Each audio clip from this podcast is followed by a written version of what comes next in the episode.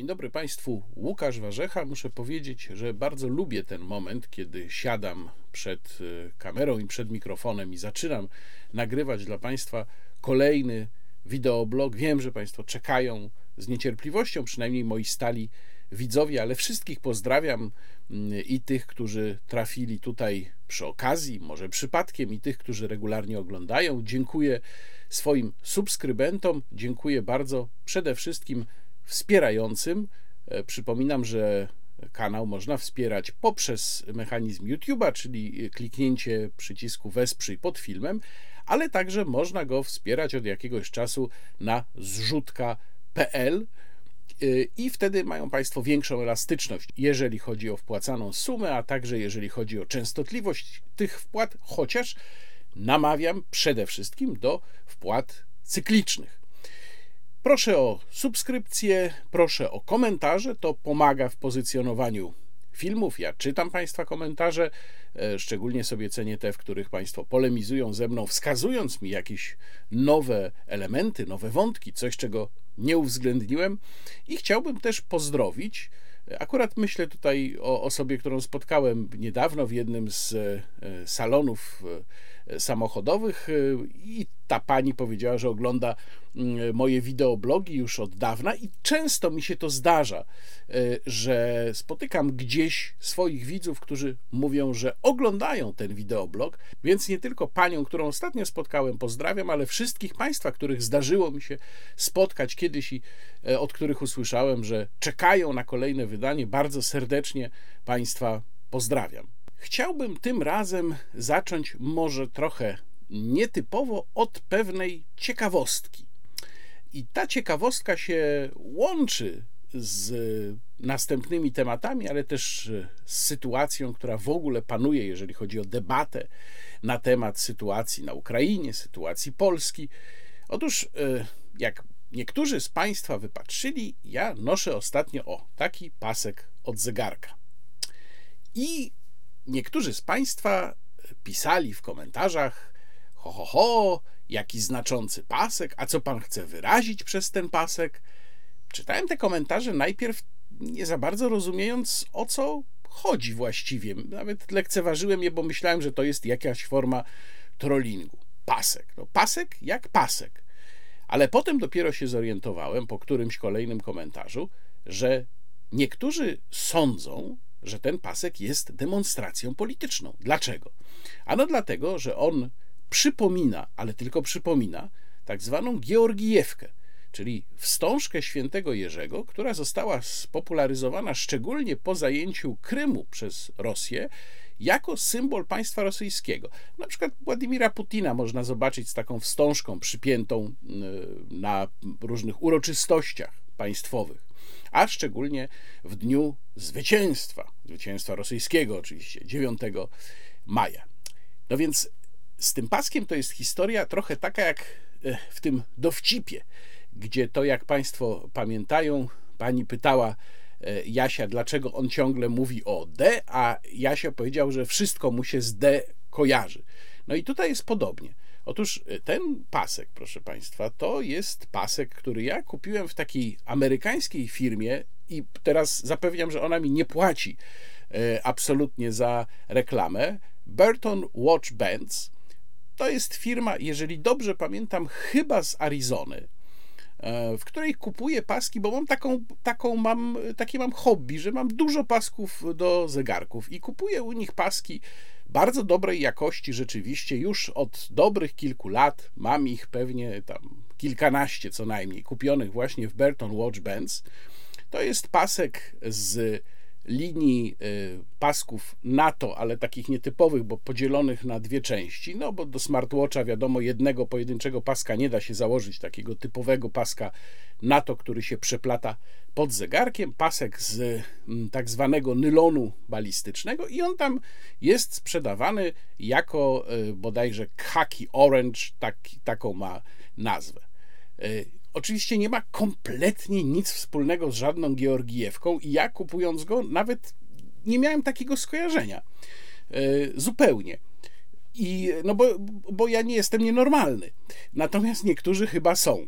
Tutaj chciałbym wskazać różnicę. Otóż e, Georgijewka po pierwsze e, jest na czarnym tle i ma na czarnym tle żółte paski. Takie są, takie są prawidłowe kolory, a nie tak jak tutaj khaki i dwa paski pomarańczowe. Poza tym Georgijewka tutaj powinna mieć jeszcze taką malutką bordiurę tego czarnego, e, nie, tego żółtego tła więc to, to też się nie zgadza.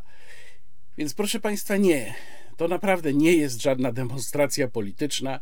Broń Boże, ja w ogóle musiałbym być nienormalny, żeby robić jakąś demonstrację polityczną sprzyjającą e, Rosji, którą uważam po prostu za wrogi wobec Polski i wobec Zachodu kraj, wielokrotnie to mówiłem, z którym nie da się też układać e, w pełni e, normalnych stosunków. Więc jeżeli Państwo mają takie skojarzenia i ktoś naprawdę już zaczyna się przyglądać paskom od zegarków, a może jeszcze skarpetkom, a może nie wiem czemu, i wydaje mu się, że tam ktoś przemyca jakieś akcenty prorosyjskie, to może powinien się taki ktoś udać do lekarza. No ale poniekąd może taki ktoś jest nawet częściowo usprawiedliwiony. Bo przecież jak przyjrzymy się temu, jak wygląda dzisiaj polityczna narracja obozu władzy, to stwierdzimy, że wszystko zostaje sprowadzone właśnie do tej jednej kwestii. I ja, zainspirowany właśnie tą narracją, postanowiłem umilić Państwu początek wideoblogu takim krótkim oto wierszem. Kiedy rzuci cię dziewczyna, gdy ci budżet się nie spina, kiedy węgla w składach nie ma, polityczna rąbnie mina, gdy cię ziobro w kleszczach trzyma. KPO, KE przytrzyma, że pijaństwo wciąż się szerzy, że Tuskowi ktoś uwierzy. Złe zwyczaje wśród młodzieży, ciasto skisło całkiem w dzieży. Że się pociąg znowu spóźnił, bo pijany przysnął dróżnik. Lasy zamknąć trzeba było, żonę z gachem się nakryło. Polski ład się w G obrócił, koń jokeja z grzbietu zrzucił, przegraliśmy pod cecorą. Wypadł pijak z drogi, lorą, złamał sobie Kurski nogę, w Tatrach baca zmylił drogę. Morawiecki, hop, z lodówki, dziecko chce kolejnej stówki, sąsiad wypił ci gorzałe, fryzjer ostrzygł cię na pałę. Znów na koncie mało kasy, Płoną w Portugalii lasy. Król Walezy zwiał z Krakowa. Wódka bardzo jest niezdrowa. Lezie ci po nodze pająk. Znów podatki podnieść mają. Plecie brednie estymacja. Przesolona znów kolacja. Tak od rana do wieczora, od wieczora znów do rana, bez ustanku, bez oddechu, jedna piosenka wciąż jest grana tej zasady rząd się trzyma, wszystko zwalmy na Putina. A jednak zacznę od trochę innego tematu, o którym rozmawialiśmy z profesorem Antonim Dudkiem w ostatnim, najnowszym wydaniu podwójnego kontekstu. Link do naszego programu zamieszczam w opisie filmu. Nie będę tutaj mówił o tym bardzo długo, dlatego że nie znamy jeszcze konkretów, ale trzeba zacząć ostrzegać. Myślę o zmianie ordynacji wyborczej. Ewidentnie w Prawie i Sprawiedliwości coś jest na rzeczy, coraz więcej się o tym mówi. Wygląda na to, że wypuszczane są jakieś balony próbne i nie wiemy, w którą stronę na pewno ta zmiana miałaby iść, ale co można ewentualnie wywnioskować? Po pierwsze, że Prawo i Sprawiedliwość może mieć taki plan, żeby zmienić system znów, bo nie po raz pierwszy, pod siebie. No, wobec niepewnego wyniku najbliższych wyborów, póki można to jeszcze zrobić przed wyborami, to zmieńmy system pod siebie. Po drugie, może jakąś rolę w tym odegrać e, Paweł Kukis, który, jak wiadomo, ma taki swój e, główny postulat, system większościowy, no tylko że E, z tego, co do nas dociera, można wywnioskować, że nie miałby być to czysty większościowy system, czyli taki jak jest w tej chwili do Senatu, okręgi jednomandatowe po prostu, co zresztą PiS też najprawdopodobniej będzie chciał zmienić, tylko że miałby to być system mieszany. I tu Paweł Kukiz pewnie by się zgodził, no bo mieszany, więc też z okręgami jednomandatowymi, tylko że systemem mieszanym jest akurat najłatwiej manipulować, ponieważ wariantów różnego rodzaju jest tam bardzo dużo. No i teraz jak połączymy te kwestie z, ze zwiększeniem liczby tych okręgów partyjnych w PiSie do 100, czyli takim, takie bardzo duże, daleko idące rozdrobnienie i nałożymy sobie to na pojawiające się informacje o tym, że miałaby zostać również znacząco zwiększona liczba okręgów wyborczych w kraju, tak żeby one się nakładały na te pisowskie okręgi organizacyjne, plus właśnie ta zmiana ordynacji na jakąś mieszaną, no to możemy dostać e, rezultat taki, i chyba taki jest plan, no bo trudno mi sobie wyobrazić żeby był inny, gdzie po pierwsze e, zostaje stworzony, można powiedzieć, wirtualny, ale faktyczny próg wyborczy dodatkowy, który wypycha kompletnie z parlamentu mniejsze ugrupowania, czyli nie ma tam miejsca dla PSL-u, nie ma tam miejsca dla Konfederacji, no pewnie dla Solidarnej Polski nie ma miejsca i to jest system oczywiście wygodny dla największych ugrupowań. To jest system znakomity dla Prawa i Sprawiedliwości, ale też dla Platformy Obywatelskiej, ponieważ Donald Tusk wtedy zyskuje dodatkowy argument, żeby zmusić, przymusić mniejsze ugrupowania. Für Deutschland E, lewicę, Polskę 2050 do dołączenia do niego formalnie, bo tylko wtedy mogą e, zdobyć miejsca, będą mogli zdobyć miejsca w parlamencie. To by była tak naprawdę kradzież, pewnego rodzaju kradzież wyborów. Bo przecież jeżeli się zmienia system wyborczy, no to powinno to mieć jakieś merytoryczne uzasadnienie. Powinno to czemuś służyć w kraju jeżeli się zmienia system wyborczy. Tutaj te plany zmiany ordynacji wyborczej nie mają żadnego takiego uzasadnienia. Nawet kiedy mówią o tym politycy Prawa i Sprawiedliwości dzisiaj, oczywiście cały czas bardzo nieoficjalnie, ale mówią zupełnie w zasadzie wprost, że tu chodzi po prostu o kwestie czysto partyjne. Mówię nie polityczne, bo polityką jest wszystko, ale czysto partyjne. Po prostu o to, żeby zdominować następny parlament, ułatwić sobie następne wybory. Czyli nie ma to nic wspólnego z, y, ze stabilnością, z dobrem państwa. Była już taka sytuacja raz. PiS próbował to zrobić w 2018 roku, próbował to zrobić z ordynacją do Parlamentu Europejskiego. Dokładnie taki sam był cel, czyli żeby wypchnąć mniejsze ugrupowania, i wtedy powstała koalicja tych mniejszych ugrupowań, a także organizacji pozarządowych, w szczególności z klubem Jagiellońskim na czele, która bardzo mocno uderzyła do pana prezydenta, żeby nie podpisywał tej ustawy, bo ustawa przeszła przez parlament. I pan prezydent wtedy się do tego przychylił. Dzisiaj może być podobnie. Jeżeli uda się zebrać głosy do takiej zmiany, bardzo moim zdaniem niebezpiecznej, to e, ustawa może przejść w Sejmie i wtedy znów sprawa e, zawiśnie na opinii pana prezydenta. Na razie z pałacu prezydenckiego sygnały płyną raczej umiarkowanie entuzjastycznej. Oczywiście jakoś tam się mm, politycy z kancelarii prezydenta odnoszą do tego pomysłu, ale odnoszą się, no, przynajmniej to, co ja widziałem, to były bardzo takie sceptyczne i umiarkowane e, głosy. Jak powiadam, więcej będzie można o tym powiedzieć, kiedy jakiś projekt konkretny się pojawi. Na razie go nie ma, są tylko pomysły, ale mówię o tym i mówię o tym prawie na samym początku wideoblogu, ponieważ uważam, że to jest niezwykle groźny pomysł, jak powiedziałem, motywowany wyłącznie mm, partyjnymi potrzebami. I może być tak, to jest e, potencjalny skutek takiego rozwiązania, że jeżeli e, ono by przeszło, to w parlamencie mielibyśmy trzy partie, może nawet tylko dwie partie. Wszystko zależy od tego, jak ten, mm, e, jak ten system byłby mm, dostrojony. I to by oznaczało z kolei, że ogromna część obywateli nie ma w parlamencie swojej reprezentacji.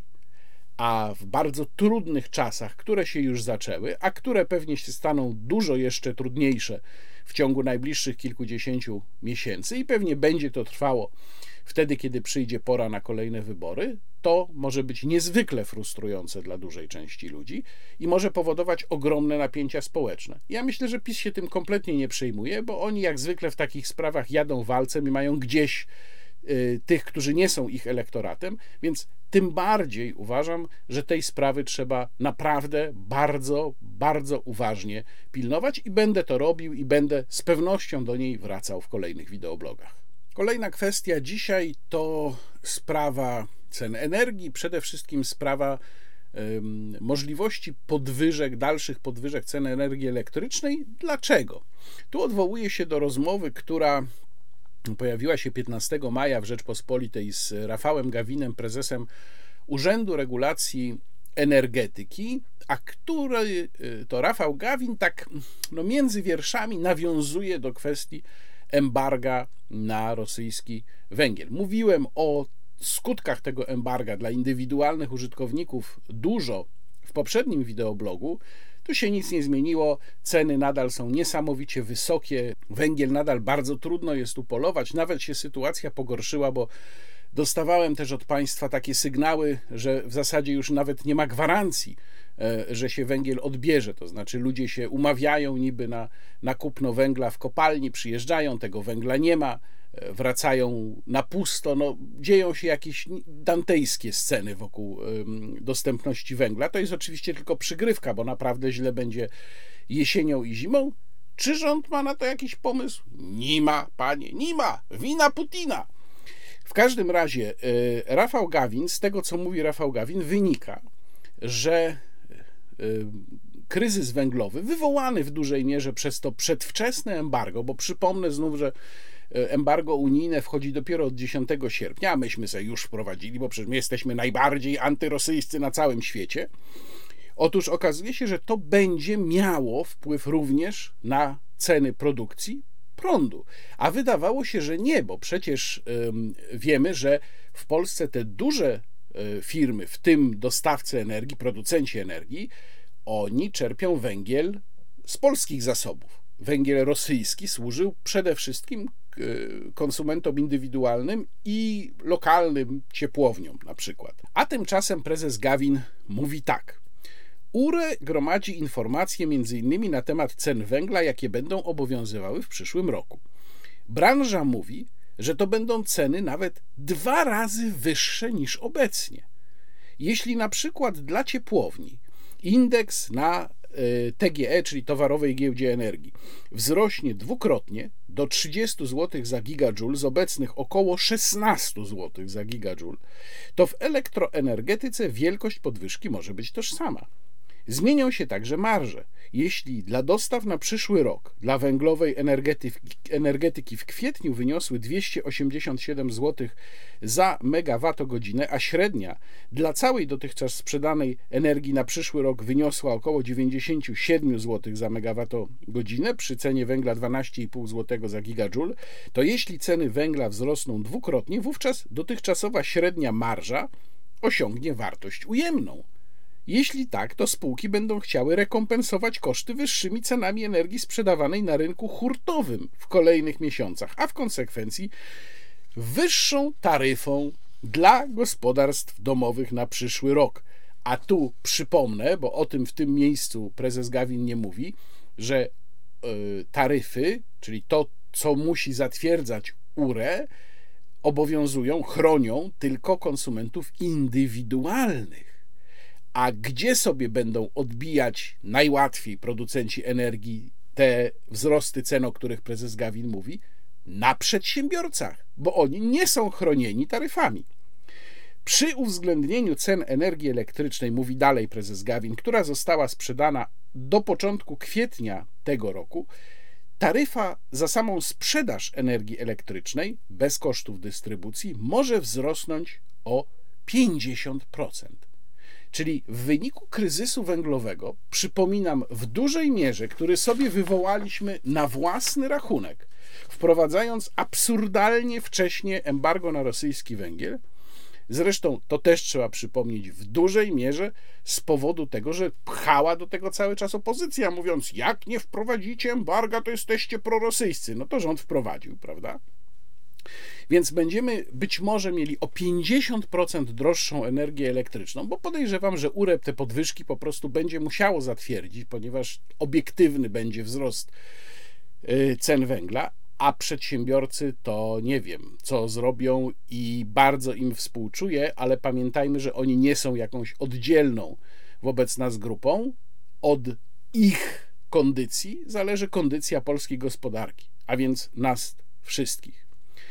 No ale skoro o tym mowa, mówiłem też jakiś czas temu o małpie z brzytwą z Ministerstwa Spraw Wewnętrznych, która to małpa dostała brzytwę w postaci ustawy sankcyjnej i tą brzytwą tam wywija, wywija i tu trafi, tu trafi przypadkiem. Mówiłem o przypadku y, firmy Maga Foods, która nadal walczy o zniesienie nałożonych na nią sankcji. Podobno interweniuje tutaj wicepremier, minister rolnictwa, pan Henryk mm, Kowalczyk. Ja pozdrawiam serdecznie pana e, prezesa Pawińskiego, prezesa e, Maga Foods, który walczy tam jak lew o to, żeby jego firma przetrwała. Panie prezesie, trzymam kciuki mocno i proszę się trzymać.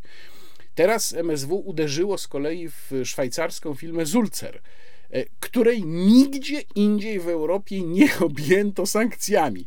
To ze względu na aktywa Wiktora Wekselberga, ale te aktywa Wiktora Wekselberga, przyjaciela Putina, są zamrożone w firmie Zulcer od 2018 roku. Ona nigdzie w Europie nie jest objęta sankcjami. Tylko w Polsce małpa z brzytwą i tam potniemy, potniemy. Z moich informacji wynika, że podwykonawcy Sulcera mogą e, e, być zmuszeni, żeby zwolnić przynajmniej pół tysiąca osób, jeżeli nie więcej. Takie są skutki działań panów Wąsika i Kamińskiego, ale oni się tym po prostu nie przejmują. No, to jest moim zdaniem to, co się dzieje wokół ustawy sankcyjnej, o czym pisałem zresztą w ostatnim, poprzednim wydaniu do rzeczy. Y, to jest skandal porównywalny z bezprawnymi działaniami władzy y, w czasie epidemii. Z tym, że tutaj władza niestety działa w majestacie prawa, opierając się na ustawie, no, która y, zyskała akceptację również dużej części opozycji. Teraz, proszę Państwa, proszę mocno zapiąć pasy, bo zabiorę Państwa w podróż w bardzo ryzykowne rejony i wiem, że wielu z Państwa będzie chciało przewinąć, ale proszę nie przewijać. Chociażby ze względu na współczucie dla mnie, bo ja musiałem przesłuchać 40 minut rozmowy Beaty Lubeckiej w Radiu Z z Olgą Estymacją Semeniuk. Więc ja nie chcę być jedyną osobą, która miała tak źle. A i tak zrobiłem dla Państwa z tych 40 minut 13-minutowy skrót. Dlaczego ja to zrobiłem i dlaczego w ogóle zajmuję się tym, co wygaduje pani Semeniuk? Um, no, ponieważ jest to osoba o, powiedziałbym, nienachalnej inteligencji, to ona ma to do siebie, że nie jest w stanie specjalnie jakoś um, sprytnie przekazywać narracji obozu władzy.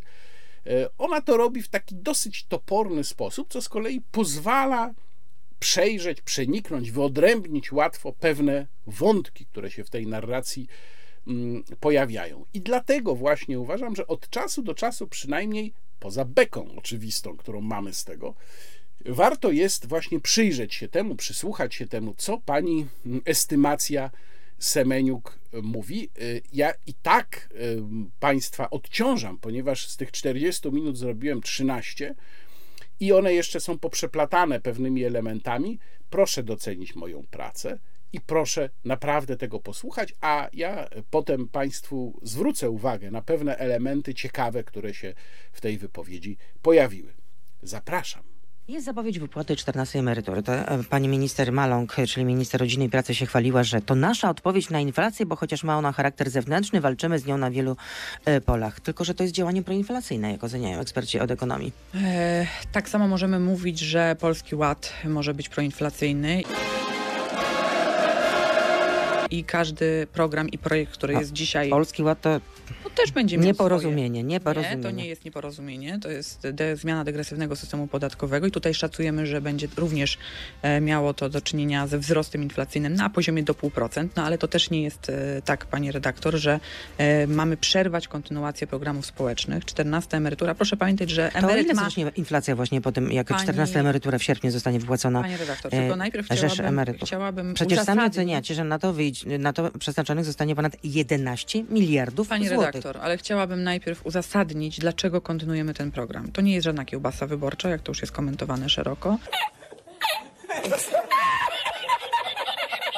To jest To program społeczny. działania, tak ocenia były prezes NBP Marek Belka. No, Marek Belka różne rzeczy może mówić, natomiast No, to nie były jest... prezes NBP, ja no, nie, no, rozumiem, i tylko... wtykłuchał, no. ale- I był dobrym prezesem Pani NBP. redaktor, mogę dokończyć. Proszę. Proszę. no chociaż ze dwa zdania powiem. Przede wszystkim uzasadnienie jest proste.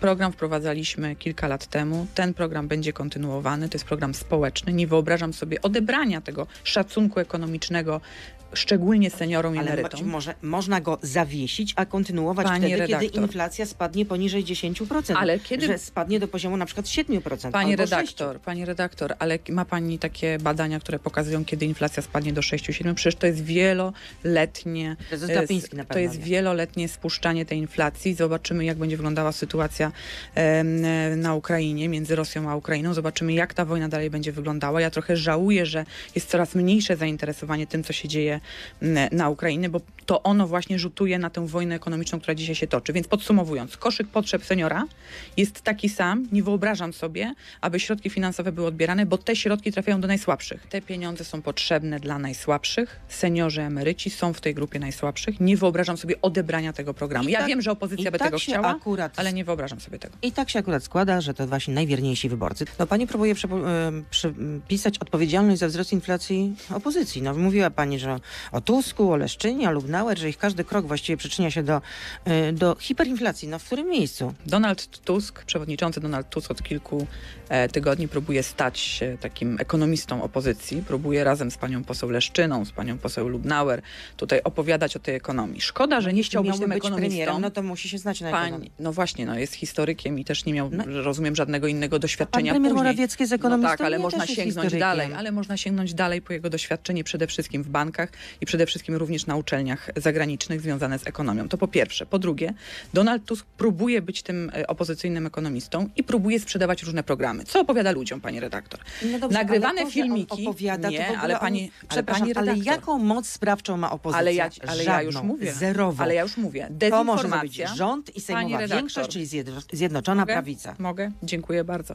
Po pierwsze, przewodniczący Donald Tusk jest odpowiedzialny za dezinformację. Po drugie, za błędne prowadzenie e, w świadomości, wprowadzanie do świadomości społeczeństwa takich e, zjawisk jak na przykład do, doprowadzanie do tego, aby te środki finansowe były kierowane dzisiaj do sfery budżetowej, do różnych grup społecznych i środowiskowych. Przecież właśnie tego typu działania dzisiaj, które nie są spokojnymi działaniami, tylko nerwowymi, opowiadanie ludziom o tym, że jeżeli ja będę premierem, albo ja, e, moja frakcja wygra, to będziecie mieli raj, to będziecie mieli środki finansowe, jest bzdurą, dlatego że on już miał czas, kiedy mógł udowodnić, jak wspiera grupy społeczne. A wie pani, co się wtedy działo, jak on rządził? Średnia płaca za godzinę to było 5 zł. A W dużych miastach. nauczyciele dostali podwyżkę 4,4%. Pani no to to redaktor, ale pani no, redaktor, pani redaktor, a Nie, za czyich no, rządów? Nauczyciele na was a nie za głosują, czyich, tak? Dobrze, to teraz inaczej powiem. Za czyich rządów płaca minimalna sukcesywnie rośnie pomimo pandemii? Za czyich rządów ratownik wiem, zaraz medyczny? nie, tak, że za, za czyich rządów? Prawa i Sprawiedliwości Nie, tak pani redaktor, tak. a za czyich rządów ratownik medyczny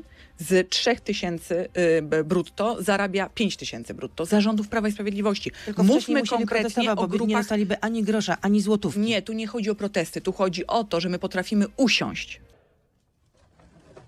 Z tego co wiem, to pani poseł Lubnauer chciała wydrukować tutaj mnóstwo obligacji e, i dawać je w czasach inflacyjnych, po prostu rozdawać je społeczeństwu, co też jest no, No ale m, przecież zabiegiem. takie są również premier- to- jest- premiera, że no tak, tylko to musi być obligacji. racjonalne, to nie może być kokieteria polityczna, to nie może być tylko i wyłącznie PR i zabiegi e, Donalda Tuska, żeby stać się e, premierem i stać się drugim Mateuszem Morawieckim, bo to jest po prostu niemożliwe, pani redaktor. ale również właśnie robotniczej myśli socjalistycznej. Możemy sobie tak przecież szczerze powiedzieć. A więc ta myśl jest głęboko u filoz filozofii Prawa i Sprawiedliwości obecna. Bo proszę pamiętać, program PiSu to jest pomoc najsłabszym i wspieranie klasy średniej, wspieranie klasy średniej, wspieranie klasy średniej, rozszerzanie jej potencjału. Tak, tak. I Zwłaszcza w e, Polskim Ładzie równość, wspieranie, i e, równość podatkowa. No, Yy, zmiana degresywnego... O tak, Tak, tam wie pani wspieracie co, tak, że po redaktor? prostu nic tylko stać, stanąć i Zmiana, zapłakać. zmiana degresywnego systemu podatkowego. Bogaty musi płacić proporcjonalnie. Ja wiem, że to boli. Ja wiem, że to boli Klasa średnia klasę... to są ci bogaci, Nie, tak? ja teraz mówię o bogatych.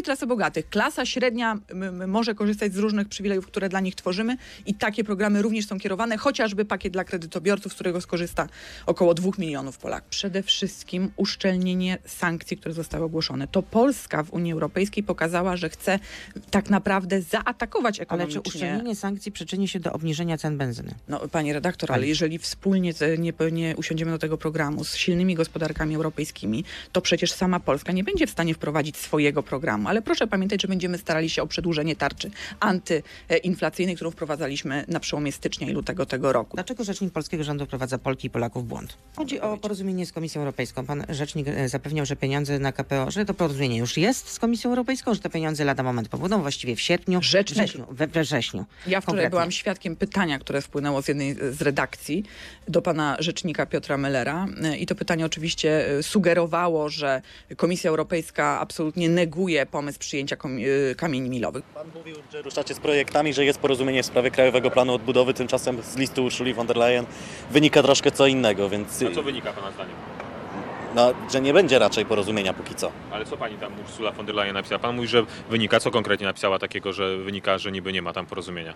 No, a jest to porozumienie? Nie, ale no, Pan twierdzi, że nie ma. W sensie, to jest właśnie przykład. Pan dostał pytanie pewnie od kolegi z redakcji, żeby powiedzieć, że nie ma porozumienia. W związku z tym, no, Pan by mógł się chociaż przygotować, e, co jest napisane w tym liście, bo Pani e, von der Leyen mówi o tym nie tylko tu, ale i publicznie, że jest porozumienie w zakresie wynegocjowanych e, kamieni milowych i że te kamienie milowe teraz trafią do Komisji Europejskiej do akceptacji i że warunkiem oczywiście wypłaty środków unijnych jest zrealizowanie kamieni milowych. W związku z tym, tak jak dokładnie my mówiliśmy od samego początku, zespoły negocjacyjne do, dogadały się, jeżeli chodzi o kwestie kamieni milowych, czyli treści reform, które należy wprowadzić, a do końca kwartału, czyli do końca czerwca, musimy te reformy wdrożyć. Później Komisja Europejska, tak jak jest to w procedurze, w lipcu i sierpniu ocenia wdrażanie reform e, we wszystkich krajach w Krajowym Planie Odbudowy i wypłaca transze we wrześniu. I taki jest harmonogram działań Komisji Europejskiej w tym zakresie. Zostaną w takim razie zrealizowane? No po to się zobowiązywaliśmy, żeby je zrealizować. Ustawa o Sądzie Najwyższym jest teraz w Sejmie i ona zostanie przyjęta. Więc już tłumaczę, na czym to polega. No tak, Po ale, pierwsze, awantura, pani redaktor. ale Komisja Europejska, uściślimy, ma, z, ma jasno określone oczekiwania wobec tego, czego Pani oczekuje redaktor, oczywiście, że tak. rządu, To teraz już Polski. tłumaczę. Awantura, którą próbuje wywołać Są opozycja. Takie trzy właśnie kamienie Mogę milowe. trzy Proszę. zdania, to wtedy wszyscy, którzy nas oglądają, będą mogli y, pewnie zrozumieć to. Przede wszystkim mamy kamienie milowe, które zostały zaakceptowane przez Komisję Europejską. Te kamienie milowe to są tematy i obszary, które mają być realizowane za pośrednictwem środków unijnych, które zostaną nam przyznane w formie grantów i pożyczek, proszę pamiętać o tym, i które od 2027 roku będziemy spłacać, bo to nie jest euro z nieba. To są środki, które będziemy spłacali od 2027 roku. I tak samo jak z teraz- kredytobiorcami. Przecież teraz- wakacje kredytowe nie oznaczają, że nie będziemy spłacać No tylko każdy- one będą, to a już pani tłumaczy odroczone w czasie. A tak już- samo tutaj. A już pani tłumaczę dlaczego. Dlatego, że dzisiaj dorzucenie środków finansowych bezzwrotnych obywatelom to jest poszerzanie z tej y, procentowego, procentowo inflacji. Program wprowadzaliśmy kilka lat temu. Ten program będzie kontynuowany. To jest program społeczny. Nie wyobrażam sobie odebrania tego szacunku ekonomicznego, szczególnie seniorom i emerytom. mo- może, można go zawiesić, a kontynuować Pani wtedy, kiedy redaktor. inflacja spadnie poniżej 10%. Ale kiedy- Że spadnie do poziomu na przykład 7%. Pani albo redaktor, pani redaktor, ale ma pani takie badania, które pokazują, kiedy inflacja spadnie do 6-7%? Ale chciałam zapytać o tę konkretną wypowiedź i o to, co się dzieje Już w relacjach tłumaczę. z Komisją Dobrze, Europejską, ponieważ no, Komisja Europejska ma zdecydowane, jasno określone oczekiwania. Po pierwsze, likwidacja e, Izby e, Dyscyplinarnej Sądu Najwyższego, tego ciągle nie ma, to pracę źle ślimaczą generalnie. E, Podobno jest jakiś kompromis, podobno między e, Prawem i Sprawiedliwością a ziobrystami. Po drugie, e, ma być zrewidowany system dyscyplinowania sędziów i po trzecie mają być przywróceni do pracy sędziowie, którzy byli odsunięci od orzekania przez właśnie e, orzeczenia Izby Dyscyplinarnej. Tacy jak Igor Tuleja, tacy jak Paweł Juszczyszyn. Są Pani wyroki redaktor, sądowe, które przywracają do, do... Ale tylko dokończę.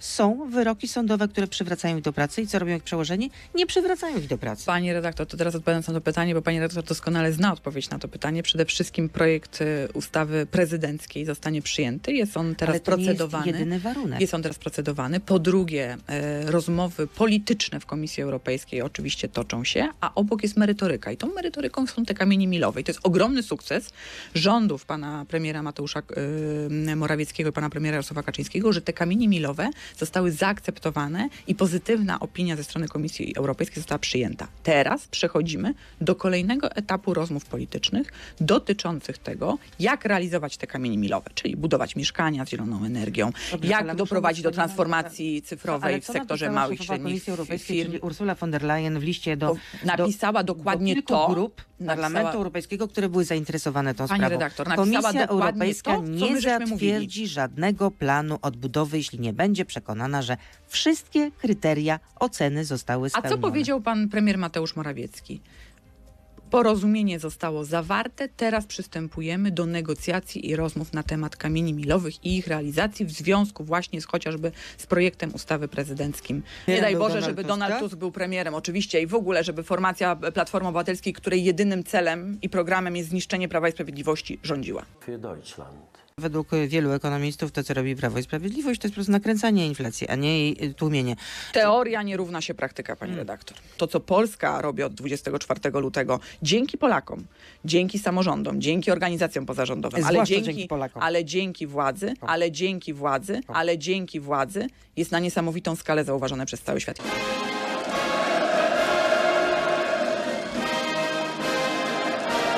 Natomiast również rozmawiamy o możliwościach, które, o których mówił pan premier Mateusz Morawiecki w kontekście mm, firm i inwestorów zagranicznych, którzy tak przyjeżdżają. w tego premiera Morawieckiego jak w obrazek, naprawdę. Y, nie jak- pan premier Morawiecki. Ja pan patrzę na Prawo i pan Sprawiedliwość. Ja patrzę na Prawo i? Sprawiedliwość jak w obrazek, bo zgadzam się z e, programem tej e, formacji i tej partii, a pan premier Mateusz Morawiecki jest wiceprezesem Prawa i Sprawiedliwości. Niech żyje nam prezes 100 lat. Premier Mateusz Morawiecki, premier Mateusz Morawiecki, premier Mateusz Morawiecki. Po pierwsze, inflacja jest e, związana z czynnikami zewnętrznymi. no inflacji, która w Polsce mniej więcej w połowie odpowiada, e, której w połowie odpowiada, połowie odpowiada, połowie odpowiada działanie Rosji od zeszłego roku. Czynniki, które wpływają na inflację, nie dotyczą rządów Prawa i Sprawiedliwości i nie są związane z rządami Prawa i Sprawiedliwości, są związane z sytuacją międzynarodową. do- Serdecznie pozdrawiam, serdecznie pozdrawiam, serdecznie pozdrawiam. Otóż po pierwsze mamy tutaj sprzeczności, które się nawet w samej tej rozmowie pojawiają, bo najpierw pani estymacja Semeniuk e,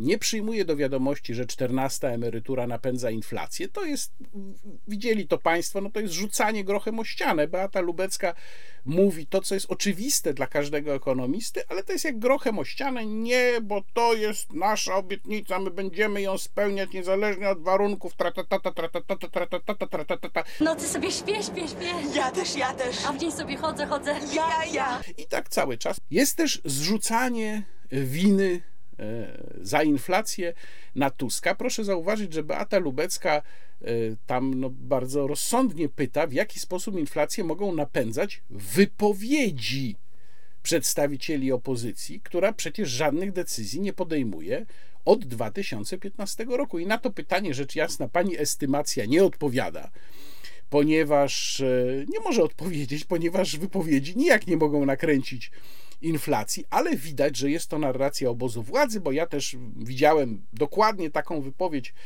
pana premiera Morawieckiego, e, którą podała dalej na swoim mm, koncie twitterowym kancelaria premiera, że właśnie inflację napędzają na przykład obietnice Donalda Tuska, podwyżki w sferze budżetowej. Oczywiście obietnice, gdyby miały zostać spełnione, to by rzecz jasna inflację napędziły. No ale póki jest to tylko sfera werbalna, to nie ma to kompletnie żadnego wpływu. Mówi też pani estymacja Semeniuk o tym, że e, pani Katarzyna Lubnauer chciała rozdawać obligacje e, w czasach inflacji i że to jest takie straszne. Ale przecież dokładnie to samo, jak słusznie zresztą zwraca uwagę Beata Lubecka, proponuje rząd i pan premier. No przecież pan premier dokładnie tym się chwalił, czyli nowymi rządowymi wspaniałymi obligacjami, chwalił się w trakcie kongresu Impact 22. Ja zresztą to wystąpienie pana premiera przeanalizowałem i ono też się tutaj w wideoblogu wkrótce e, znajdzie. Będę o nim państwu opowiadał. No więc tamte obligacje antyinflacyjne, czyli tamta pożyczka od obywateli, no bo obligacje to jest pożyczanie pieniędzy od obywateli, one są dobre, a te obligacje, co to mówi o nich pani Lubnauer, to one dobre y, nie są. No, myślę, że y, o tym, co jest dobre, decyduje po prostu to, kto to proponuje, bo przecież sama pani e, estymacja mówi tak pięknie, że jest wpatrzona w PiS jak w obrazek i w pana premiera zresztą też, więc wiadomo z definicji, że propozycje pana premiera lub propozycje PiS, one są po prostu z definicji dobre, a wszystkie inne są złe. I wreszcie mamy kwestię krajowego, akceptacji krajowego planu odbudowy, o czym tutaj mówi e, pani estymacja Semeniuk, więc zajmijmy się tym przez chwilę, bo w tej sprawie rzeczywiście mamy spore zamieszanie. Z jednej strony mamy sygnały ze strony rządu, bo to nie tylko pan Piotr Müller, rzecznik, ale też inni politycy PiS mówią, że w zasadzie sprawa jest dogadana, pieniądze przyjdą. No ale mamy też ten list pani von der Leyen, o którym tutaj w czasie mm, konferencji Między innymi pani estymacji, ale również pana Piotra Millera, mm, jeden z dziennikarzy mówił, choć rzeczywiście powinien po prostu wiedzieć, co w tym liście jest, a ewidentnie nie wiedział. No i teraz tak, Piotr Miller mówi, że w liście von der Leyen mm, są, jest wynegocjowane e, porozumienie w sprawie kamieni milowych. To nieprawda, tego w tym liście nie ma. E, wymienione są trzy warunki, których ustawa e, o Sądzie Najwyższym wcale nie musi spełniać. Ona spełnia zapewne jeden z nich, no jakoś tam, czyli e, kwestia likwidacji Izby Dyscyplinarnej. Piotr Miller powiedział też w czasie tej konferencji, że zespoły dogadały się w treści reform, które należy wprowadzić. To również nie wynika nijak z listu pani von der Leyen. No i pytanie, co Piotr Miller rozumie przez to sformułowanie, bo ja mam wrażenie, że w ogóle my się gubimy trochę w dwuznacznościach i w opowieściach o tym, na jakim etapie są te negocjacje, które te opowieści płyną do nas z dwóch stron. No, co to znaczy? Strony uzgodniły reformy, które należy wprowadzić. Czy to oznacza, że uzgodniły, w, w jakich obszarach dalej będą rozmawiać, czyli co jest przedmiotem dalszych negocjacji, czy też uzgodniły, że ok, to właśnie wprowadzamy. To nie jest jasno powiedziane. Mm, pani Semeniuk oczywiście w ogóle nie odpowiada na to pytanie, coś tam mówi o jakiejś zielonej energii, to w ogóle y, nieważne. Natomiast spójrzmy na ten list, bo rzeczywiście, no, skoro się odwołujemy do listu pani von der Leyen, do części europosłów, którzy wyrazili takie zaniepokojenie, że Komisja Europejska mogłaby Polsce odpuścić, no to zobaczmy, co w tym liście pani von der Leyen y, napisała. I tutaj tłumaczę, y, bo list jest po angielsku, tłumaczę, brzmi to tak. Mm, te warunki, które trzy, o których jest mowa. Po pierwsze, Izba Dyscyplinarna powinna zostać skasowana. Po drugie, musi zostać zreformowany mm, reżim, system dyscyplinarny mm, dotyczący sędziów, y, co musi spowodować zmianę podstaw do odpowiedzialności dyscyplinarnej sędziowskiej, co musi zapewnić, że y, podstawą do sankcji dyscyplinarnych nie będzie ani zwracanie się do e, Europejskiego Trybunału Sprawiedliwości z pytaniami prejudycjalnymi, ani zawartość samych sędziowskich decyzji, że to nie będzie podstawa do postępowań dyscyplinarnych. I wreszcie ostatni, trzeci warunek: e, sędziowie, których objęły decyzje mm, e, Izby Dyscyplinarnej, powinni mieć możliwość bycia przywróconym do orzekania. No dosłownie brzmi to tak: should benefit from the possibility to be reinstated, czyli można to zrozumieć, że należy im stworzyć możliwość, żeby się mogli ubiegać o przywrócenie e, do e, orzekania. I jest napisane, że Polska musiałaby pokazać, że te tak zwane kamienie milowe zostały e, wypełnione, zanim jakiekolwiek, jakiekolwiek e, pieniądze z funduszu by wpłynęły. Nawiasem mówiąc, pani Semeniuk chyba w ogóle nie wie, co to są kamienie milowe w tej sprawie, bo mówi coś tam o jakiejś zielonej energii, że to jest kamień milowy, ona nie rozumie w ogóle o co chodzi. W każdym razie mamy tutaj, tak jak powiedziałem, jakąś dwuznaczność i zobaczymy tak naprawdę dopiero po tym, jak zostanie zatwierdzona ewentualnie przez Sejm ustawa o Sądzie Najwyższym, oparta na prezydenckim projekcie, no bo e, sama ta ustawa rzeczywiście nie wypełnia tych przesłanek, o których tutaj mówi pani von der Leyen. I e, pani von der Leyen próbuje od samego początku tego sporu obiecywać wszystkim to, co oni chcą usłyszeć. Takie można odnieść wrażenie. Jedno mówi w Parlamencie Europejskim, pewnie co innego mówi też w prywatnych czy tam w kuluarowych rozmowach e, członkom polskiego rządu. Mm, oni z kolei próbują pokazać e, bardzo optymistyczny obraz, bo dla nich niedostępność pieniędzy z KPO jest problemem. No, jak się to skończy, trudno powiedzieć. Ja mam wrażenie, że możemy się rozczarować i że tej y, pałki tak szybko nam z nad głowy nie zabiorą. Inna sprawa, czy to jest dobry pomysł, bo przypomnę, że przecież KPO to są również wspólne kredyty brane na wszystkich. To nie są tylko pieniądze, które dostajemy y, od tak. Y, jest wreszcie w tym kontekście, chyba to trzeba powiedzieć, kwestia mm, funduszy na uchodźców. O tym pani estymacja Semeniuk w tej rozmowie nie mówi, no ale to trzeba przypominać, że my nadal nic nie dostaliśmy i co ciekawe, nie dostaliśmy też kompletnie nic ze Stanów Zjednoczonych, które przecież są tak zainteresowane tym, e, żeby Ukraina miała wolę walki. No więc też powinny być chyba zainteresowane tym, żeby Polska miała z czego utrzymywać ukraińskich uchodźców, a jednak jakoś nic tutaj nie płynie. Natomiast przypłynęły pieniądze z funduszu mm, związanego z uchodźcami unijnego, proszę Państwa, 145 milionów euro. Co ja sobie za to kupię? Waciki? 145 milionów euro, czyli około 670 milionów złotych. Przypomnę, że w liście do pani von der Leyen pan premier Morawiecki mówił o 11 e, miliardach euro, jako koszcie tylko do końca tego roku. Ale, proszę Państwa, nasz geniusz, który kieruje rządem, ma pomysł, jak ulżyć Polsce w tych trudnych czasach. Trzeba po prostu spowodować, żeby bogaci tego świata się podzielili. No, naprawdę, ja nie żartuję. Taki pomysł na ogólnopolskim kongresie dialogu młodzieżowego pan premier wygłosił. Proszę posłuchać. Same tylko nadmiarowe zyski, przepraszam, przekraczające średnioroczną z ostatnich lat, o tak powiedzmy precyzyjnie, zyski z ropy i gazu małego pięciomilionowego państwa, jakim jest Norwegia, przekroczą 100 miliardów euro.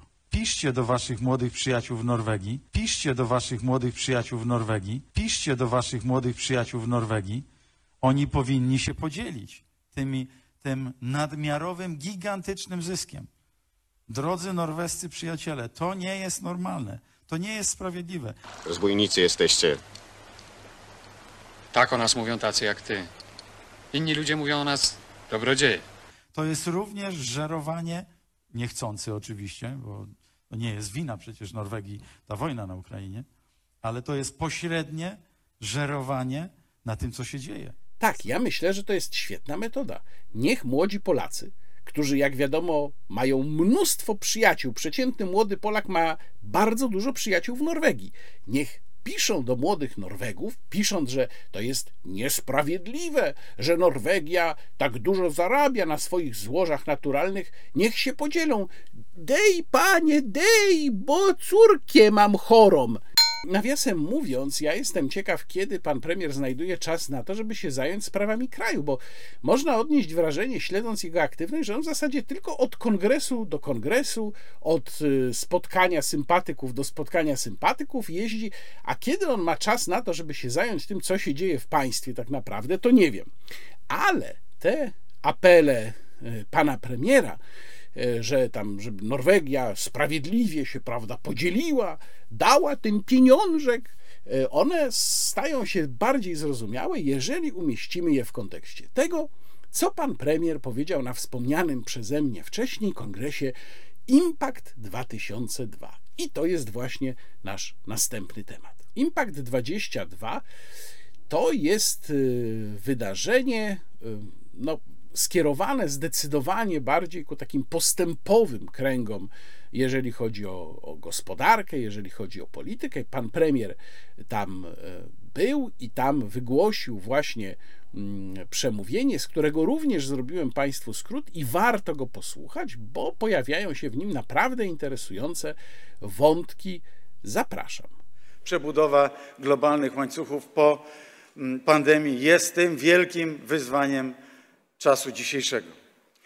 Po drugie, ogromne, potężne uderzenie w rynki surowcowe. To nie tylko e, rynki energetyczne, to surowce w szerokim rozumieniu tego słowa, również zboże. To stawia pod znakiem zapytania kolejne miesiące, kolejne kwartały i musimy zdawać sobie z tego w pełni sprawę, aby w możliwym, możliwie maksymalnym stopniu uniezależniać się od surowców, zwłaszcza tych surowców, które mm, są w posiadaniu krajów agresywnych, barbarzyńskich i tworzyć nową przestrzeń do rozwoju. W jaki sposób, bardzo krótko tylko na ten temat, tutaj wierzę głęboko, że właśnie mądre odejście od paliw kopalnych, takie, które pozwoli zrozumieć, że różne państwa startują z różnego punktu wyjścia, a jednocześnie uniezależniać się poprzez budowę odnawialnych źródeł energii, gospodarkę wodorową, promocję różnego rodzaju mechanizmów magazynowania energii, tworzy najlepszy możliwy miks dla wszystkich państw w Europie. Uniezależnijmy się od ruskiej ropy, od ruskiego gazu, ale także od innych dostawców, którzy przecież bardzo drogo dzisiaj sprzedają nam, Europejczykom i wszystkim na świecie swoje surowce. Bardzo często oni te surowce wykorzystują w złym celu. Wielu w zachodniej Europie marzyło się, że, euro, że energia z Rosji będzie energią tanią, najtańszą. Okazało się, że jest dokładnie odwrotnie. To najdroższa energia. Nie mówiąc o tym, że tymi gazociągami, ropociągami płynie także krew, płynie także krew, płynie także krew. Dzisiaj krew niewinnych ludzi, mordowanych cywili, kobiet, dzieci i żołnierzy walczących o suwerenną Ukrainę. Po trzecie to wojna. Wojna, która pośrednio wywiera gigantyczny wpływ na wszystko, co dzieje się wokół nas. Dziś szok w zachodniej Europie jest absolutnie bez precedensu bez precedensu. No może można to porównać z upadkiem komunizmu w 1989 roku i tylko z tym. I nie możemy udawać, że jest jakiś powrót do business as usual. Z Rosją, z krajem tak agresywnym nie ma powrotu do business as usual. Musimy przebudować cały nasz system, aby wrócić do e, normalnego funkcjonowania z krajami pragnącymi pokoju. Czwarty wielki obszar wyzwań to inflacja i przy nim się chcę chwilę dłużej zatrzymać. Tu, Szanowni Państwo, mamy do czynienia z bezprecedensową inflacją właściwie w większości krajów świata. Jak mówi prezydent Joe Biden, 70% inflacji wywołała Rosja. Wysokie ceny energii, wojna na Ukrainie. Także i w Polsce, w moim kraju, inflacja jest najwyższa od 20 lat, około 20 lat. I w jaki sposób z nią sobie musimy poradzić. Przede wszystkim trzeba zdać sobie sprawę z tego, że państwa Europy Centralnej, państwa, które cały czas mają mniejszy zasób kapitału niż bogaty kraj, bogate kraje Zachodu, muszą pokazywać swoją równowagę. My w Polsce mamy dobrze zrównoważony system. Rozumiem to, w jaki sposób rynki finansowe, te, które dysponują dzisiaj najpotężniejszym zasobem finansowym na świecie, patrzą na kraje takie jak Polska. Rozumiem, że one szukają również tego, co oznacza perspektywę równowagi, uspokojenia i taką perspektywę chcemy zaprezentować. Taką perspektywę prezentujemy zresztą pokazując kolejne odsłony tarczy antyputinowskiej. E, mamy dzisiaj do czynienia z takim prowadzeniem naszej polityki w Polsce, które jest synchroniczne. Z jednej strony polityka pieniężna, z drugiej polityka fiskalna, polityka regulacyjna, inwestycyjna i mm, e, polityka e, w szerszym rozumieniu tego słowa finansowa i gospodarcza. Na wszystkich tych elementach całej polityki chcemy grać w sposób synchroniczny. Co to oznacza z punktu widzenia obywateli i przedsiębiorców? Mówiłem o inflacji. Szanowni Państwo, podczas kryzysu inflacyjnego jest pewna grupa podmiotów, która na tym zarabia. To są banki i instytucje finansowe. Dlatego mam bardzo, bardzo konkretny apel do prezesów banków.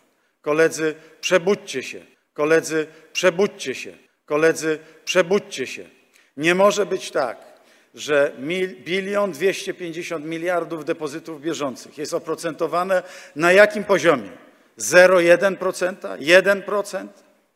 To niezdrowy model gospodarczy, kiedy bardzo dobrze dokapitalizowany sektor, w bardzo dobrym stanie sektor finansowy jest beneficjentem tej wysokiej inflacji. Ta pobudka musi nastąpić szybko. I dlatego spotkałem się też z kierownictwem największych instytucji finansowych. Dokonywaliśmy przeglądu aktualnej sytuacji i wiem, że tam również jest pogłębiona refleksja co do tego, aby oprocentowanie depozytów w bardzo krótkim czasie poszło do góry. Wdrażamy nowe typy obligacji, a obligacja jest tym najpewniejszym środkiem inwestowania które będą bardzo korzystne dla Polaków i które będą wyznaczały swego rodzaju benchmark. Będą to innymi nowe, wprowadzone obligacje jednoroczne na poziomie stopy referencyjnej Banku Centralnego, a więc dzisiaj 5,25, ale także wyższe obligacje, obligacje antyinflacyjne, które już wprowadziliśmy. Są dwa modele zarządzania kryzysowymi sytuacjami, dwa zasadnicze modele rządzenia państwem w czasie kryzysu i nie tylko. Państwo jako nocny stróż, ten drzemiący nocny stróż, to było państwo naszych poprzedników, partii liberalnej.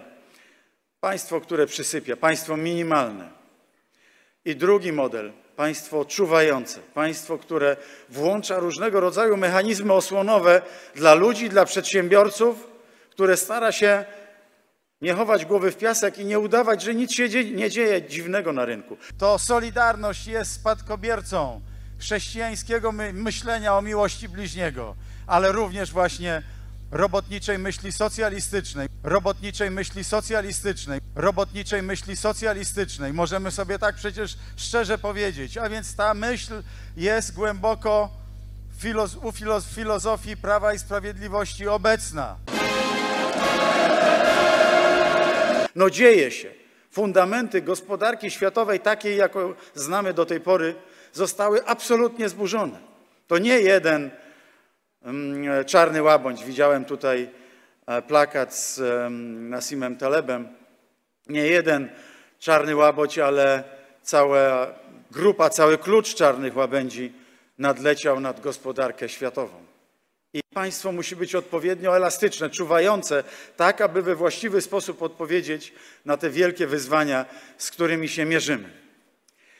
I dlatego, Szanowni Państwo, chcę zostawić Państwa jeszcze z takim, taką refleksją, z takim pytaniem, czy model gospodarki światowej, ten jaki znamy, zwłaszcza z tego okresu The Great Moderation, ostatnich trzydziestu kilku lat, wielkiego umiarkowania, które stało się wielkim nieumiarkowaniem, czy ten model gospodarki światowej, daleki od równowagi, pełen nierówności, nierówności społecznych, wielkich nierówności pomiędzy bogatymi korporacjami, a tworzącymi swoją przestrzeń do działania małymi mikroprzedsiębiorcami, czy ten model jest właściwy. Bo chyba zbyt delikatnie określamy te wyzwania, które są wokół nas.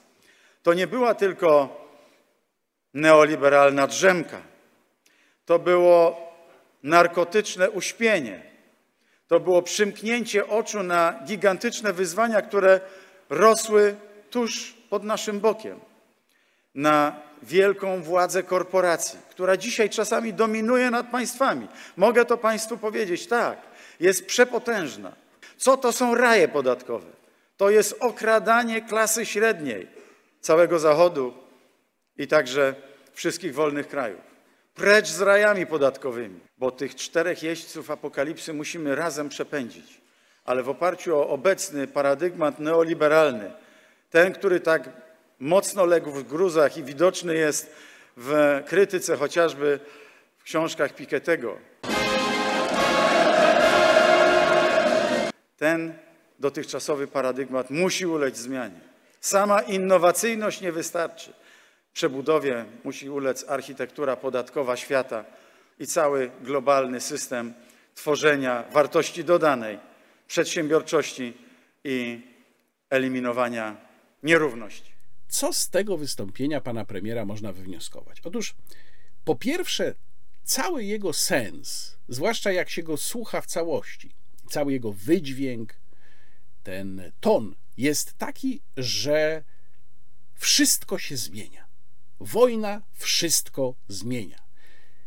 Ta zmiana musi oznaczać, jak to mówi pan premier, odejście od liberalnego modelu, przy czym mówiąc o liberalnym modelu, on tak naprawdę przecież wcale nie ma na myśli liberalnego modelu, bo model, w którym pojawiają się wielkie korporacje, i tutaj uwagi pana premiera częściowo są słuszne, w którym pojawiają się wielkie korporacje, które stają się monopolistami w swojej dziedzinie, takie jak Google na przykład, jak Microsoft, no to to nie jest system klasycznego liberalizmu.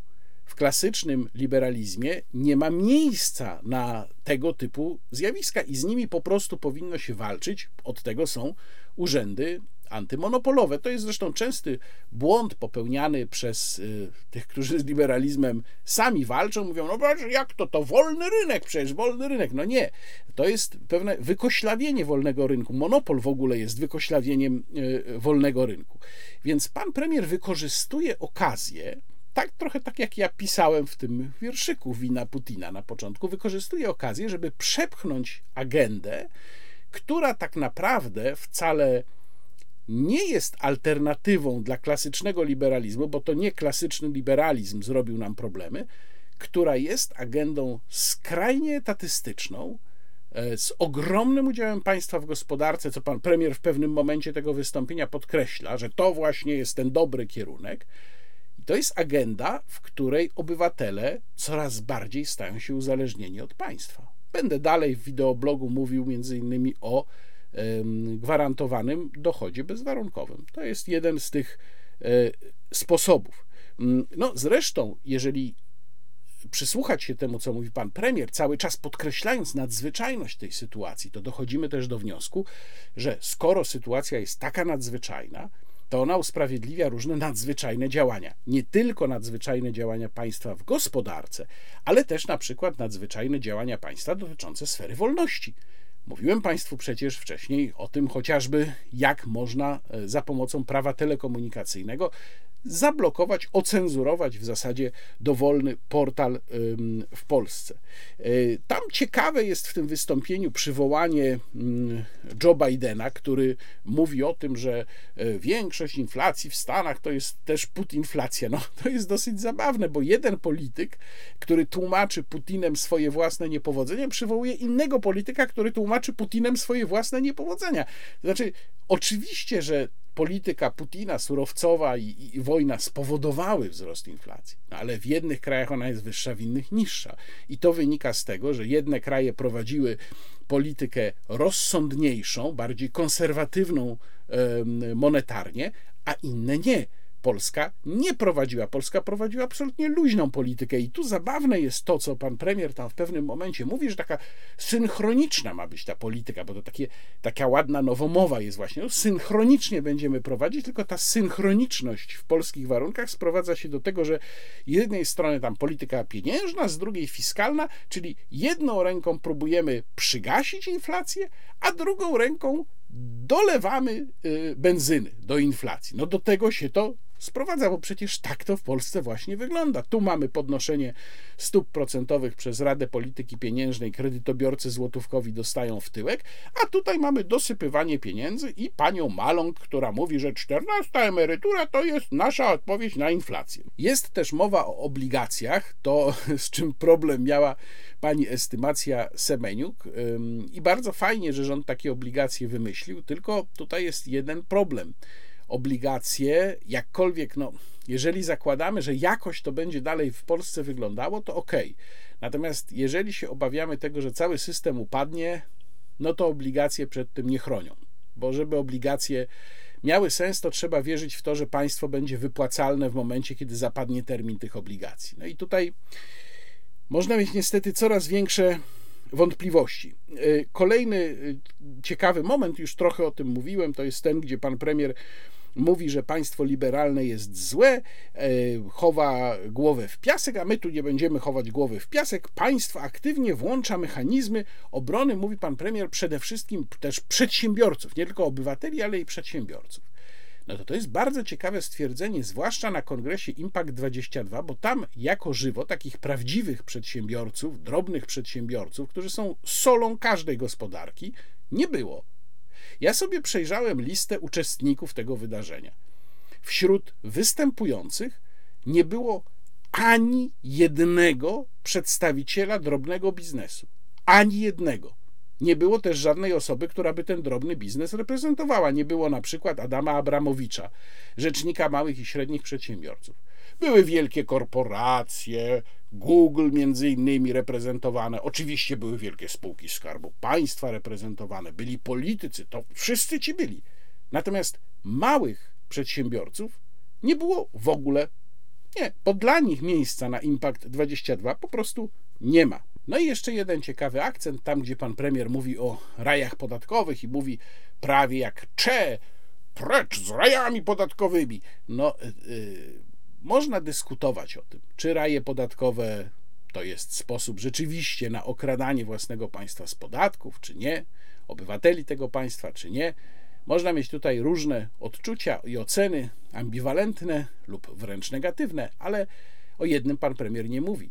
No przecież jaka jest główna motywacja i powód powstania rajów podatkowych? Ano taki, że podatki w państwie, skąd pochodzi dany podmiot albo dana osoba, są po prostu za wysokie. To znaczy co?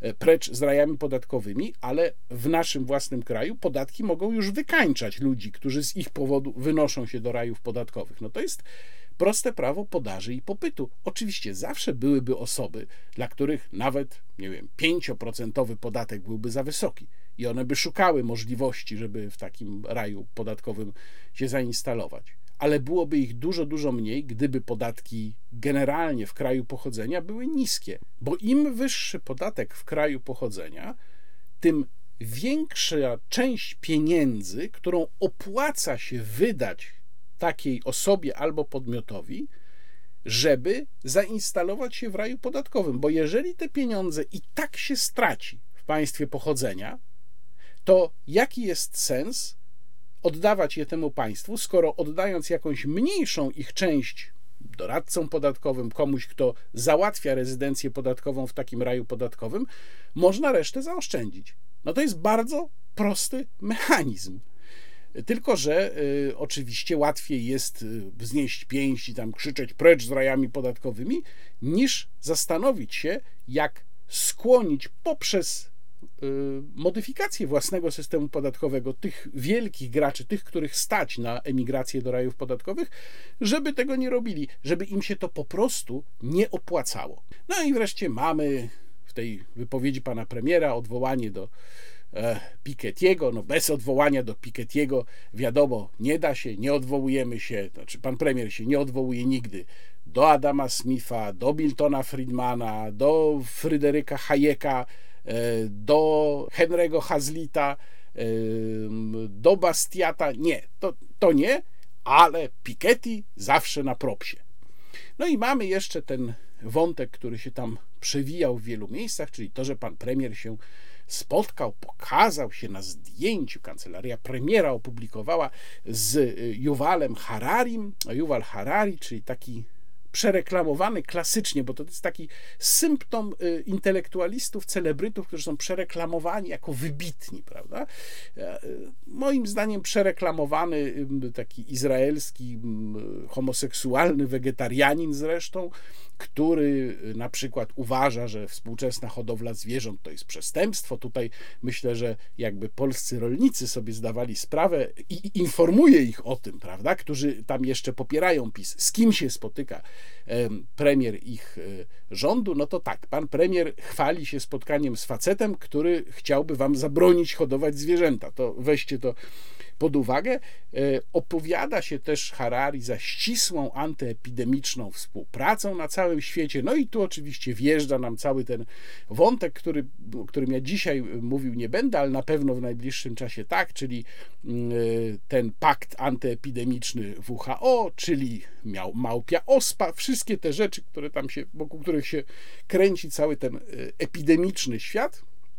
I tutaj właśnie Harari, chociaż też trzeba przyznać uczciwie, że ostrzegając przed zbyt głęboką interwencją w naszą prywatność, tutaj Harari rzeczywiście to pisał, ale jednocześnie opowiadał się właśnie za takim bazującej na nauce, za taką bazującą na nauce współpracą całego świata, jeżeli chodzi o walkę z epidemią. No więc podsumowując, ta cała wypowiedź e, Mateusza Morawieckiego, pokazuje, jeżeli tu jest w ogóle jakiś strategiczny plan, bo ja prawdę mówiąc w to wątpię. Ja myślę, że Mateusz Morawiecki jest za głęboko zanurzony w bieżączce, żeby świadomie realizować jakiś strategiczny plan, ale jeżeli jakiś strategiczny plan tutaj rzeczywiście jest, no to on jest właśnie taki, czyli e, robimy nowy porządek, robimy zupełnie nowe rozdanie tylko, że to nie jest rozdanie prawdziwie liberalne. To nie jest rozdanie, w którym ludziom się daje jak najwięcej wolności. To jest moim zdaniem e,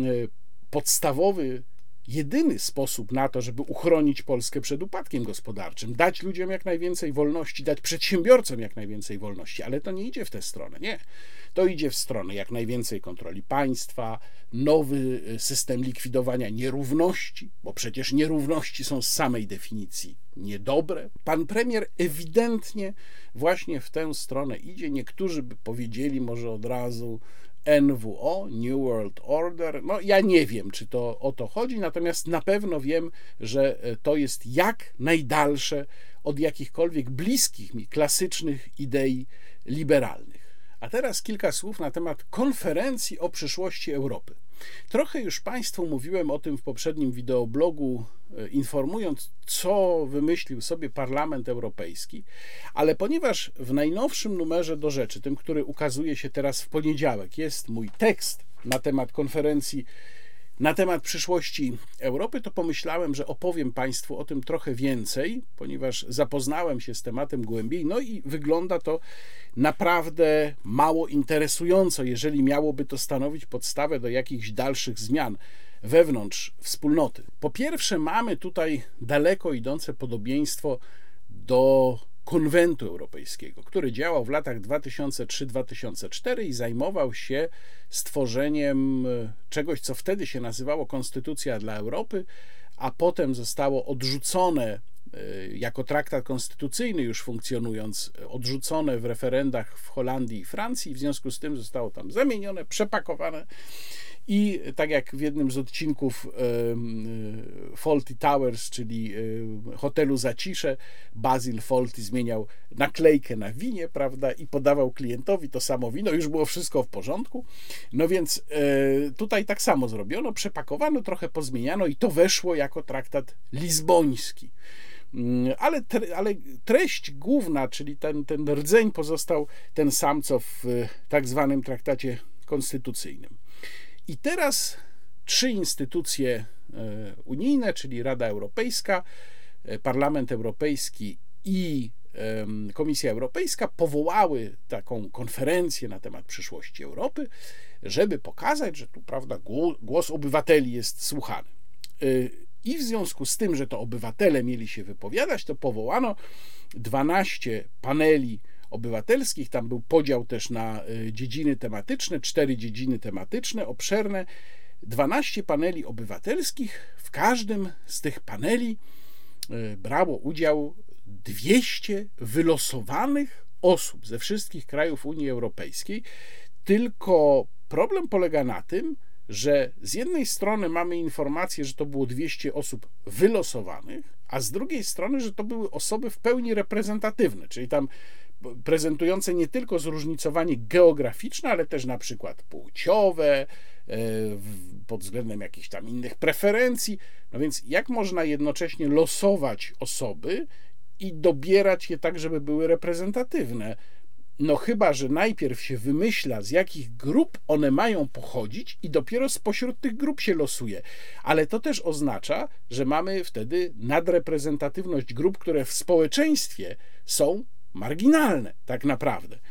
Yy, był panel w ramach tego, tego, tych, tych paneli y, wszystkich, które się odbyły. Był panel w Warszawie. Zresztą część paneli w ogóle z tych 12 to były panele online, więc nawet się ludzie fizycznie nie spotkali. Jeden był, jak powiedziałem, w Warszawie i tam była taka zabawna sytuacja. Otóż yy, pewien człowiek w komentarzu, bo jest strona poświęcona tej konferencji, i tam są informacje o każdym z paneli i można pod tymi informacjami wpisywać komentarze. No więc pewien y, człowiek, pan Rafał Subocz, y, w takim komentarzu właśnie pytał, jak on może się na ten panel, y, który był w Europejskim Koledżu w Natolinie organizowany, jak on może się na to dostać, bo chciałby w tym wziąć udział. I pewien Niemiec, który tam y, jest z ramienia organizatorów tej y, konferencji, tych paneli, mu odpowiedział, że no nie, nie, to nie jest możliwe, bo to jest tylko dla wylosowanych osób, ale może sobie pan tam może w jakichś innych wydarzeniach związanych z konferencją uczestniczyć. Więc jak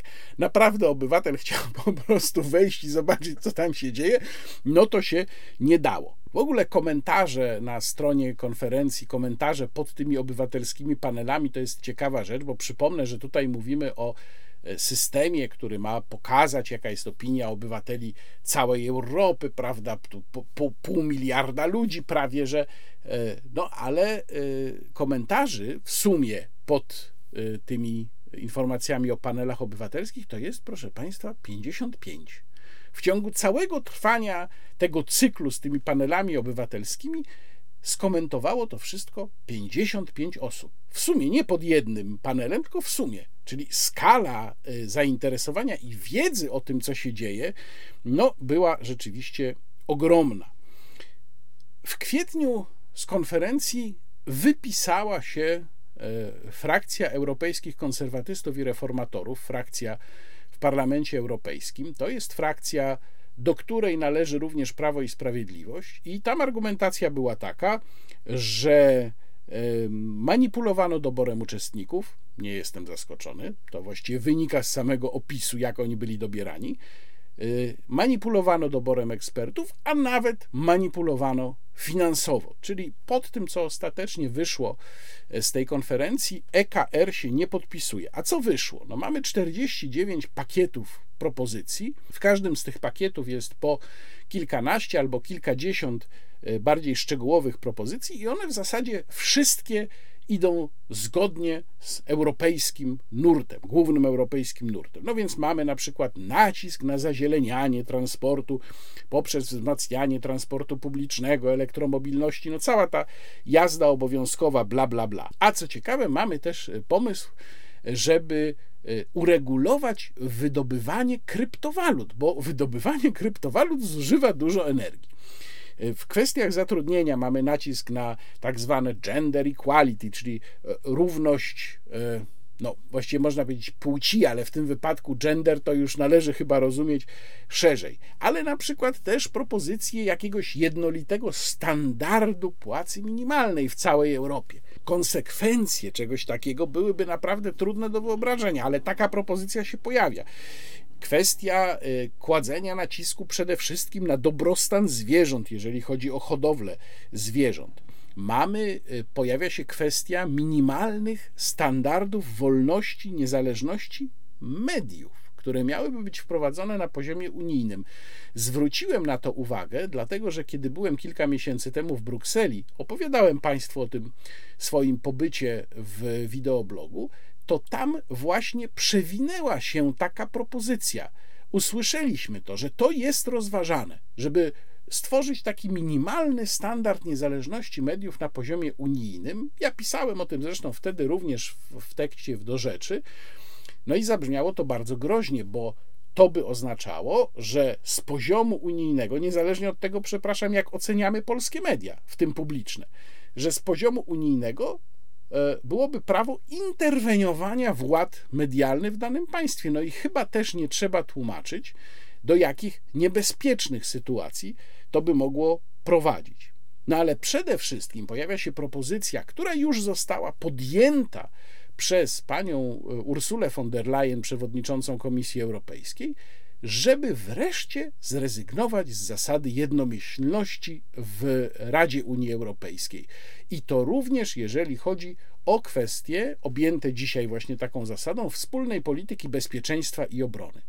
No to by była kompletna rewolucja. Gdyby zrezygnowano e, z tego, z jednomyślności w tych sprawach, takich bardzo fundamentalnych dla suwerenności każdego państwa, i zrobiono po prostu głosowanie, obojętnie czy to by było zwykłe głosowanie większościowe, czy według jakiegoś systemu ważonego, wszystko jedno. To by oznaczało, że właściwie jesteśmy w systemie federalnym. No bo jednym z głównych, e, jedną z głównych oznak państwa, suwerenności państwa jest to, że prowadzi własną politykę zagraniczną i własną politykę bezpieczeństwa, nawet jeżeli jest w jakimś ponadnarodowym e, sojuszu. No ale właśnie e, jak spojrzymy na państwa federalne typu, no weźmy Szwajcarię albo weźmy Niemcy, to właśnie to, że kantony czy kraje związkowe w Niemczech nie prowadzą niezależnej polityki zagranicznej, to jest jedna z podstawowych oznak e, tego, że nie są suwerennymi państwami odrębnymi tylko są częścią większego państwa. No więc tutaj mielibyśmy po prostu to. No to jest poniekąd próba sprzedania nam w innym opakowaniu praktycznie przekształcenia Unii Europejskiej w państwo federalne.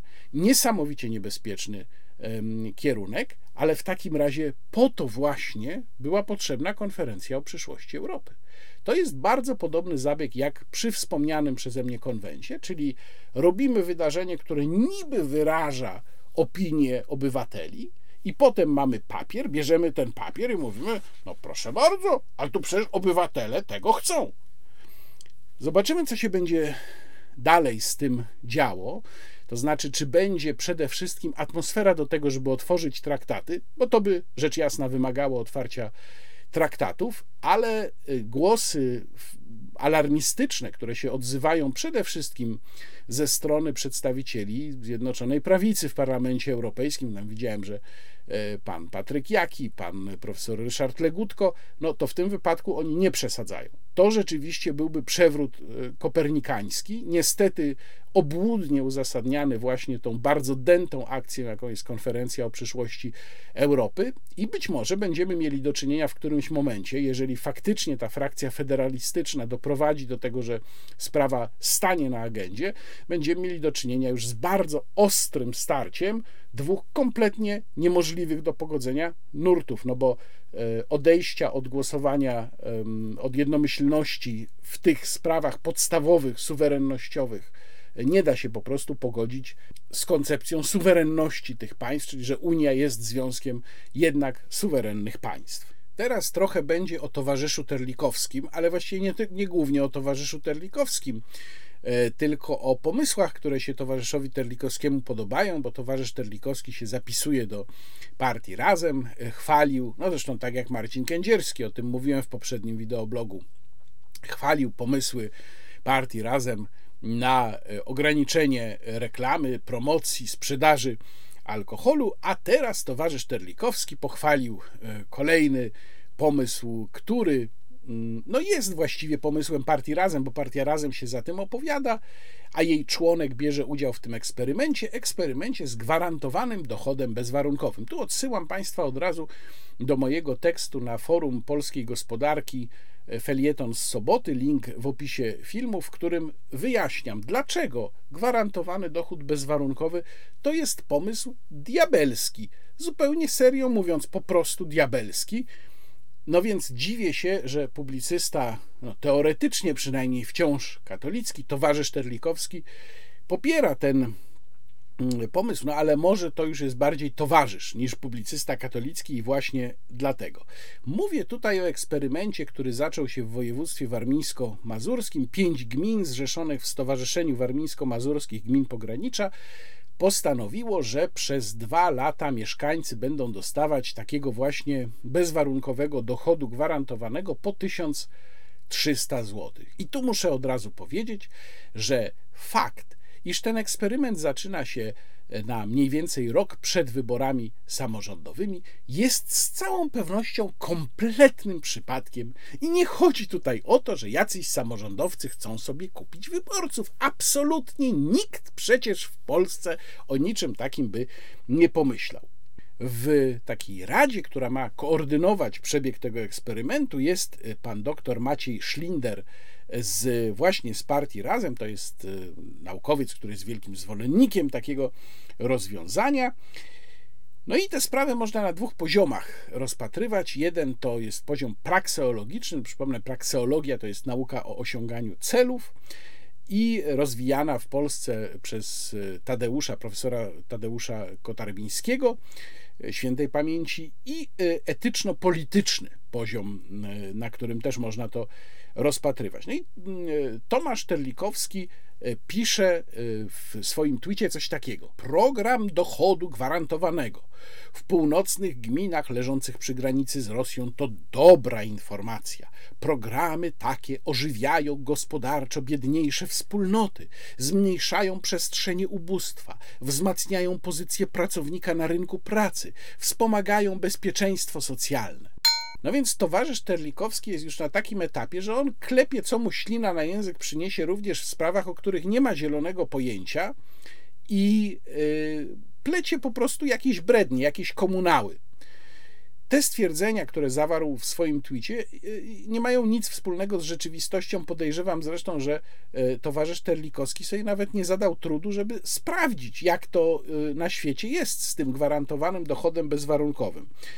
No więc ja sprawdziłem, takich eksperymentów się trochę na świecie odbyło, a nawet są takie programy, które trwają cały czas i to trwają od wielu lat.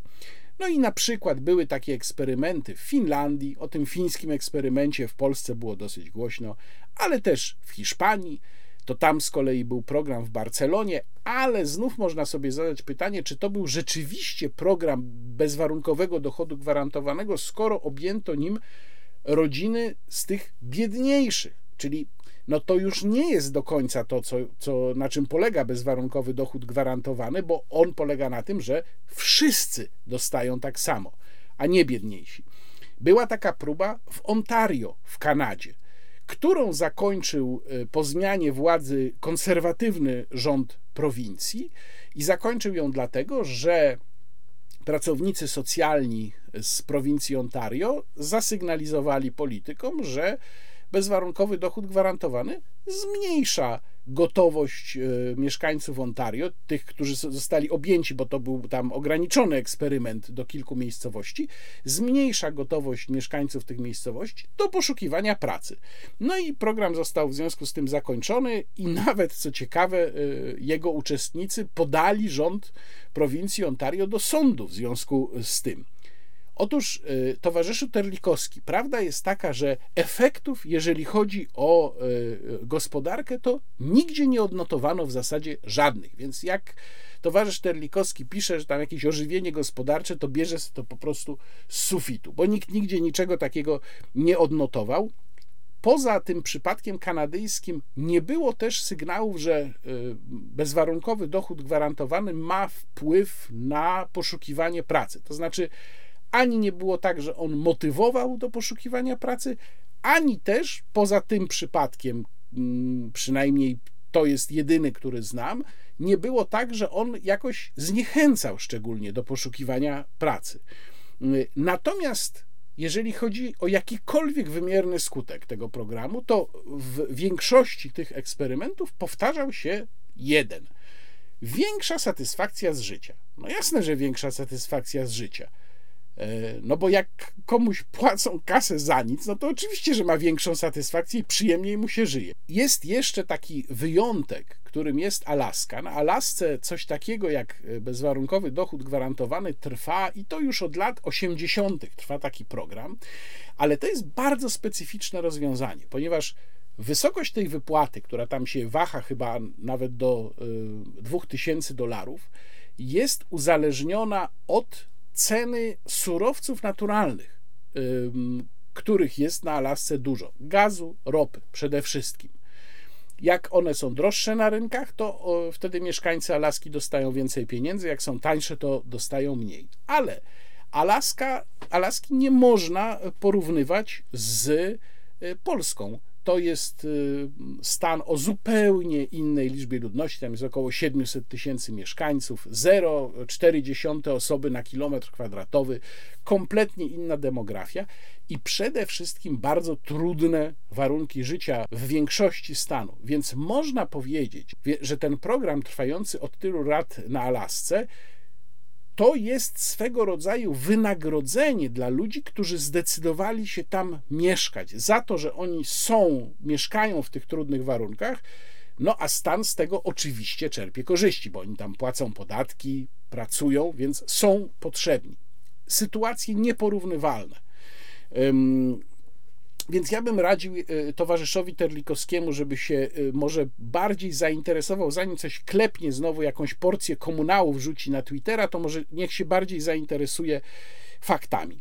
Czyli na poziomie prakseologicznym, to po pierwsze, my właściwie nie wiemy, co ten program miałby osiągnąć, bo proszę zwrócić uwagę, że tego nikt nigdzie wyraźnie nie mówi. No, ma być lepiej, ale co to konkretnie ma oznaczać? No, poza e, tą jedną rzeczą, czyli osiągnięciem jakiejś większej satysfakcji z życia, to nie widać żadnych skutków tego programu, właściwie nigdzie tam, gdzie mm, e, on ruszył. Ale znacznie moim zdaniem poważniejsze są skutki polityczne i etyczne. Najpierw powiem o politycznych. Polityczny skutek, wspominałem o tym już e, omawiając wystąpienie pana premiera na Impact 2002, to jest radykalne, daleko idące uzależnienie obywateli od państwa. E, obywatele w Polsce i tak są bardzo od państwa uzależnieni, ponieważ mamy wyjątkowo e, duży udział państwa w gospodarce, znacznie wyższy niż to przeciętnie wygląda w Unii Europejskiej. My mamy około 1 trzeciej PKB pochodzi z przedsiębiorstw państwowych, w Unii Europejskiej średnia to jest około 10%, czyli u nas jest dużo więcej, trzy razy tyle plus jeszcze bardzo duży sektor publiczny, a wiadomo, że e, pracownicy sektora publicznego też są uzależnieni od państwa, a zatem są jeszcze przy takim bardzo e, no, korupcjogennym układzie politycznym są uzależnieni też od konkretnych polityków. I wprowadzenie bezwarunkowego dochodu gwarantowanego jeszcze bardziej uzależnia ludzi od polityków. Jak powiedziałem, być może to jest przypadek, że akurat rok przed wyborami wprowadzono w tych pięciu gminach ten program, ale nie sądzę, prawdę powiedziawszy. I drugi e, problem, najpoważniejszy tak naprawdę, i tu się bardzo dziwię y, Tomaszowi Terlikowskiemu, że tego nie dostrzega, to jest zerwanie y, na poziomie etycznym łączności pomiędzy pracą a wynagrodzeniem za tę pracę. Proszę zwrócić uwagę, że y, bezwarunkowy dochód gwarantowany właśnie nazywa się dochodem, nie nazywa się zasiłkiem. Zasiłki mają to do siebie, różnego rodzaju świadczenia socjalne mają to do siebie, że one są związane z jakimś warunkiem, ze spełnieniem jakiegoś warunku. Renta jest dla tych, którzy nie mogą pracować, Zasiłek socjalny jest dla tych, którzy mają bardzo niskie wynagrodzenie albo no, sobie nie radzą, prawda? Różnego rodzaju zasiłki, na przykład dla rodzin w trudnej sytuacji. Nawet 500 plus jest związane z formalnym kryterium, którym jest posiadanie dziecka, przynajmniej jednego dziecka, do 18 roku życia. Ale bezwarunkowy dochód gwarantowany jest właśnie bezwarunkowy, czyli żadnych warunków nie trzeba spełnić, i jest dochodem. Czyli to jest taka, takie zasygnalizowanie, że żeby zarabiać, wystarczy być, nie trzeba nic robić. Z etycznego punktu widzenia jest to absolutnie fatalne, demobilizujące do pracy, ale jest to też pogwałcenie podstawowego poczucia sprawiedliwości. Dlaczego? No dlatego, że będziemy mieli sytuację, w której e, w polskim eksperymencie chociażby te 1300 zł dostanie, powiedzmy, samotna matka, która zasuwa na półtora etatu po to, żeby swoich dwoje dzieci utrzymać na jako takim poziomie e, i dać im godną przyszłość, czyli osoba, która zasługuje na najwyższy szacunek za swoją pracowitość i zapobiegliwość, i te 1300 zł dostanie y, pijaczyna degenerat, który wyciera przez cały dzień ławkę przed miejscowym sklepem i tam pije jedno tanie wino za drugim i te 1300 zł przepije. A przecież to 1300 zł jest też z podatków, które płaci ta samotna matka. No jak można, towarzyszu Terlikowski, mieniąc się publicystą katolickim, popierać takie rozwiązanie? Tak jak powiedziałem, to jest rozwiązanie po prostu diabelskie. Zbliżając się do końca, chciałem Państwu pokazać, bo to chyba się jeszcze nie zdarzyło, e, jak to jeden z posłów, mówiąc z mównicy, przywołał mój tekst. Proszę zobaczyć. Łukasz Warzecha w jednym z felietonów posłużył się taką przypowiastką o tyranie, który ustalał prawa w zależności od tego, co mu się akurat przydarzyło jak na przykład poparzył się herbatą, to natychmiast wydawał przepisy o bezpieczeństwie picia gorących napojów. I właśnie to jest niestety poziom naszej klasy politycznej od prawa do lewa, z wyjątkiem Konfederacji. Mediokracja polegająca na pisaniu ustaw w rytm różnych głośnych artykułów w gazetach. Wystarczyło przecież tylko kilka przypadków agresji wobec farmaceutów, żeby histeryczna lewica uznała, że mamy jeszcze za mało w Polsce przepisów i żeby histeryczny rząd to poparł. Nie w całości, bo prokurator generalny na szczęście zachował jakąś trzeźwą opinię.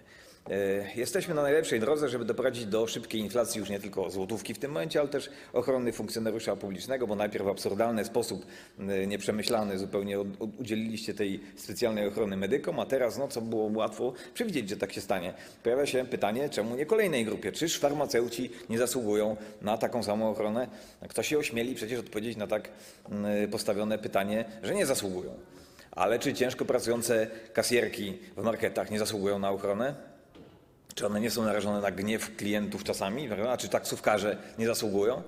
Bardzo serdecznie pozdrawiam pana posła Sośnierza. Miło mi, że ten tekst y, przeczytał, zapamiętał i przywołał przy tej okazji, czyli przy okazji głosowania zmian w ustawie mm, prawo farmaceutyczne, i bardzo celnie przywołał. Ja e, link umieszczam do tego tekstu w opisie filmu. To był tekst, który się ukazał na blogu Warsaw Enterprise Institute i on mówił o tyranie Anasusie. I dokładnie mówił o tym, co tam wspomniał, o czym wspomniał pan poseł Sośnierz, czyli że tyran Anasus miał taką e, metodę, że co jego spotkało osobiście, to uważał, że jest absolutnie złe i trzeba to narzucić wszystkim. No to zresztą trochę też się odbija w kwestii tej walki z alkoholizmem, to znaczy jak e, ktoś ma tam problem gdzieś, nie wiem, wokół siebie z alkoholem, no to uważa, że trzeba wszystkim ograniczyć dostęp do alkoholu. To jest podobny sposób myślenia. Natomiast e, tutaj również jest podobna, była podobna motywacja tego projektu, projektu posła Śmieszka, prawda? Lewica oczywiście, bo któż by inny takie głupoty wymyślał. Mianowicie zdarzyło się tak w czasie epidemii, że były w aptekach jakieś awantury. No przychodzili ludzie, tam ktoś był bez maseczki, awanturował się z aptekarzem, nawet jakiegoś aptekarza pobito, no i już pan poseł Śmiszek doszedł do wniosku, że w związku z tym, że pobito aptekarza i iluś tam, na iluś nakrzyczano, no to trzeba dać im ochronę taką, jak ma funkcjonariusz publiczny. I uchwalili taką zmianę, że Technik farmaceutyczny podczas i w związku z wykonywaniem w aptece ogólnodostępnej lub punkcie aptecznym czynności, o których mowa w artykule 91 lub innych czynności związanych z produktami leczniczymi lub wyrobami medycznymi wymagających bezpośredniego kontaktu z pacjentem, korzysta z ochrony przewidzianej dla funkcjonariusza publicznego na zasadach określonych w ustawie z dnia 6 czerwca 1997 roku kodeks karny. No i to samo y, dotyczy farmaceuty, czyli technik farmaceutyczny i farmaceuta. A jeżeli chodzi o to, co mówi kodeks karny na ten temat, to kodeks karny w swoim rozdziale 29 y, mówi w artykule 222 paragrafie pierwszym, kto narusza nietykalność cielesną funkcjonariusza publicznego lub osoby do pomocy mu przybranej podczas lub w związku z pełnieniem obowiązków służbowych, podlega grzywnie, karze ograniczenia wolności albo pozbawienia wolności do lat trzech. Przegłosowanie takich zmian e, tylko dlatego, że gdzieś ktoś wszedł do apteki i się awanturował, jest oczywistym absurdem. Tylko, że tak działa właśnie polskie prawodawstwo. Gdzieś tam kiedyś był wypadek, po pijanemu ktoś miał, no to już będziemy konfiskować samochody. To zresztą niestety przejdzie, pijanych kierowców. Kiedyś była taka sytuacja, że Solidarna Polska proponowała to już dawno temu, żeby y, zabronić noszenia noży ludziom, bo w Krakowie dochodziło do przestępstw z użyciem noża. No to, jest właśnie wymyślanie prawa. Niczego się nie analizuje, nie analizuje się skutków, nie analizuje się logiki wewnętrznej przepisów, tylko na hura, gdzieś tam coś się stało, to już będziemy robić ustawę. Gdyby zastanowić się, dlaczego właściwie aptekarz ma mieć ochronę przysługującą funkcjonariuszowi publicznemu, no to nie wiadomo, dlaczego aptekarza wyróżniać. No bo rozumiem, że są takie zawody, kilka, gdzie ta ochrona powinna przysługiwać. Policjant, pewnie strażak, nawet nie wiem, prawdę mówiąc, czy strażak ma taki status, ale powinien mieć. Okej. Okay. Ale jeżeli to zaczniemy rozciągać bez końca, bo gdzieś coś się wydarzyło, no to za chwilę dojdziemy do wniosku, że na przykład o gdzieś pobito kontrolera biletów. No to kontrolerom biletów też przyznajemy status y, funkcjonariuszy publicznych albo gdzieś tam była awantura z udziałem kierowcy autobusu. No to kierowcy autobusu też przyznajemy taki status. Potem się okaże, że taki status jeszcze muszą mieć e, listonosze, albo nie wiem, e, inkasenci z gazowni, no bo też coś się nieprzyjemnego im przydarzyło. I oczywiście nie ma tu żadnej granicy, tylko że nikt w ten sposób nie myśli. Myślenie jest na zasadzie głupiej akcyjności, tak jak napisałem w swoim tekście. No ale cóż, w tej sprawie pan poseł Sośnierz mm, okazał się jedynym obrońcą zdrowego rozsądku. Poprzednio wspominałem też Państwu o tym, że będę pytał policję o wyniki badania przeprowadzonego na początku 2021 roku, badania na temat opinii na temat policji. No więc dostałem odpowiedź e, z e, Komendy Głównej, mm, podpisaną przez pana inspektora Mariusza Ciarkę, rzecznika Komendy Głównej. No i wynika z tej odpowiedzi, że to badanie dotyczyło wyłącznie, no przynajmniej tak ja rozumiem tę odpowiedź, że to badanie dotyczyło wyłącznie kwestii obecności policji na miejscu, w pobliżu miejsca zamieszkania, obecności dzielnicowego. Ono nie dotyczyło policji jako takiej. No i tam w tym badaniu wyszło, że ludzie się czują bardzo bezpiecznie i w ogóle są zadowoleni z tego, jak się zachowuje dzielnicowy. E, tu Państwo widzą, to jest fragment, e, taki bardzo krótki tekst z gazety policyjnej, w której opublikowano, to jest tytuł pisma Gazeta Policyjna, oficjalne pismo policyjne, w którym opublikowano rezultaty tego badania, czyli tak naprawdę my się z niego niewiele dowiedzieliśmy, jeżeli chodzi o samą opinię na temat policji jako formacji.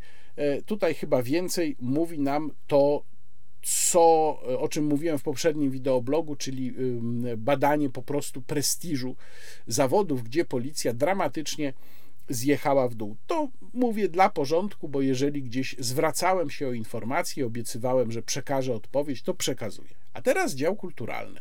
I w dziale kulturalnym chciałem Państwu polecić książkę Jana Maciejewskiego Milczenie katedry, wydaną przez wydawnictwo teologii politycznej to jest dość spory tom esejów tego młodego, bo urodzonego w roku 1990 publicysty.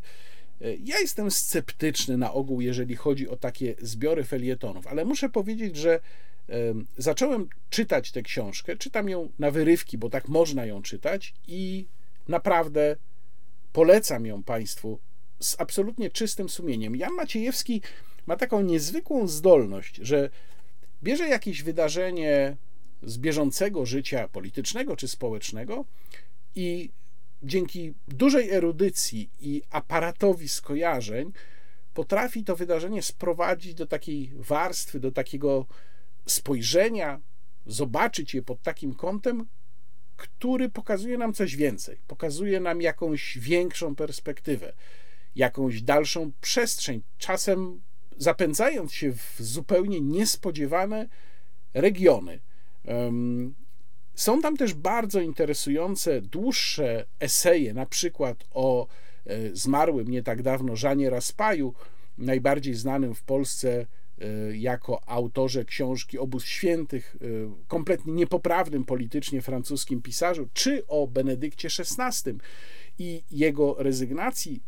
Jest też kilka opowiadań Polecam tę książkę Milczenie katedry Jana Maciejewskiego. I mam tutaj dla Państwa niespodziankę. Otóż mam taką książkę dla Państwa, jeden egzemplarz, który prześlę osobie, która odpowie na pytanie, i tu zastanawiałem się, jakie to powinno być pytanie, która pierwsza chronologicznie odpowie na pytanie w e, komentarzach pod e, filmem, ale pomyślałem, że to nie może być pytanie, na które odpowiedź łatwo da się znaleźć w Wikipedii czy w internecie. A ponieważ e, bardzo spodobał mi się esej mm, Jana Maciejewskiego umieszczony w tym tomie o Żanie Raspaju, to pytanie brzmi tak jak nazywała się miejscowość, w której w powieści Żana Raspaja Pierścień Rybaka, o której to powieści mówiłem Państwu kilka miesięcy temu w wideoblogu, zmarł w 1994 roku, taka data jest w powieści, ostatni następca linii papieży awiniońskich i Benedykta XIII, czyli Piotra de Luny. Jak nazywała się ta miejscowość, gdzie zmarł ostatni z Benedyktów? Powieści Żana Raspaja Pierścień Rybaka. Kto pierwszy odpowie na to pytanie prawidłowo w komentarzach pod filmem, ten dostanie, temu wyślę e, egzemplarz książki Jana Maciejewskiego Milczenie katedry. Oczywiście skontaktujemy się, jeżeli chodzi o adres. I jeszcze jedna sprawa w dziale kulturalnym. Otóż bardzo miło mi zawiadomić, pochwalić się, że zostałem ambasadorem Fundacji Incanto, którą wielokrotnie Państwu tutaj reklamowałem. Fundacja wzbogaciła się o takie ciekawe grono ambasadorów e, z krótkimi notkami o wszystkich ambasadorach fundacji. Mogą się Państwo zapoznać na jej stronie, a ja przy tej okazji przypominam, że cały czas trwa zbiórka na wydanie tomu e, przez Fundację Incanto, tomu esejów Sir Rogera Scrutona zrozumieć muzykę. Tam już naprawdę niewiele brakuje, chyba w tej chwili około 8 tysięcy złotych, to już jest naprawdę bardzo mało z 52 tysięcy, które są potrzebne na to, żeby książkę wydać, więc y, proszę, jeżeli Państwo mogą, choćby niewielką sumą wspomóc wydanie książki Rogera Scrutona, zrozumieć muzykę, to namawiam, no i y, jako już oficjalnie ambasador Fundacji Incanto będę Państwa także informował o różnych wydarzeniach i potrzebach związanych z fundacją. Być może mm, będę miał też coś do zareklamowania niedługo w kontekście właśnie nadchodzącego festiwalu Muzyka Divina, bo to jest główne wydarzenie Fundacji Incanto w Krakowie. No i niestety tutaj muszę powiedzieć, że fundacja po raz kolejny zmaga się z ogromnymi problemami finansowymi, bo okazuje się, że pieniądze w Polsce na sztukę wysoką, na dobrą kulturę bardzo jest trudno zdobyć. No i też się obawiam, przepraszam, że nie zakończę tego wideoblogu optymistycznie, że będzie to coraz trudniejsze, jeżeli chodzi o pieniądze, które mogą pochodzić od ludzi, od słuchaczy, od odbiorców. Będzie to coraz trudniejsze w miarę jak nasza sytuacja gospodarcza i też nasza sytuacja życiowa, bytowa będzie stawała się coraz trudniejsza. Ale może tym bardziej warto wspierać właśnie te najbardziej wartościowe inicjatywy. Bardzo Państwu dziękuję za dzisiaj. Do następnego razu. Serdecznie pozdrawiam i kłaniam się. Łukasz Warzecha.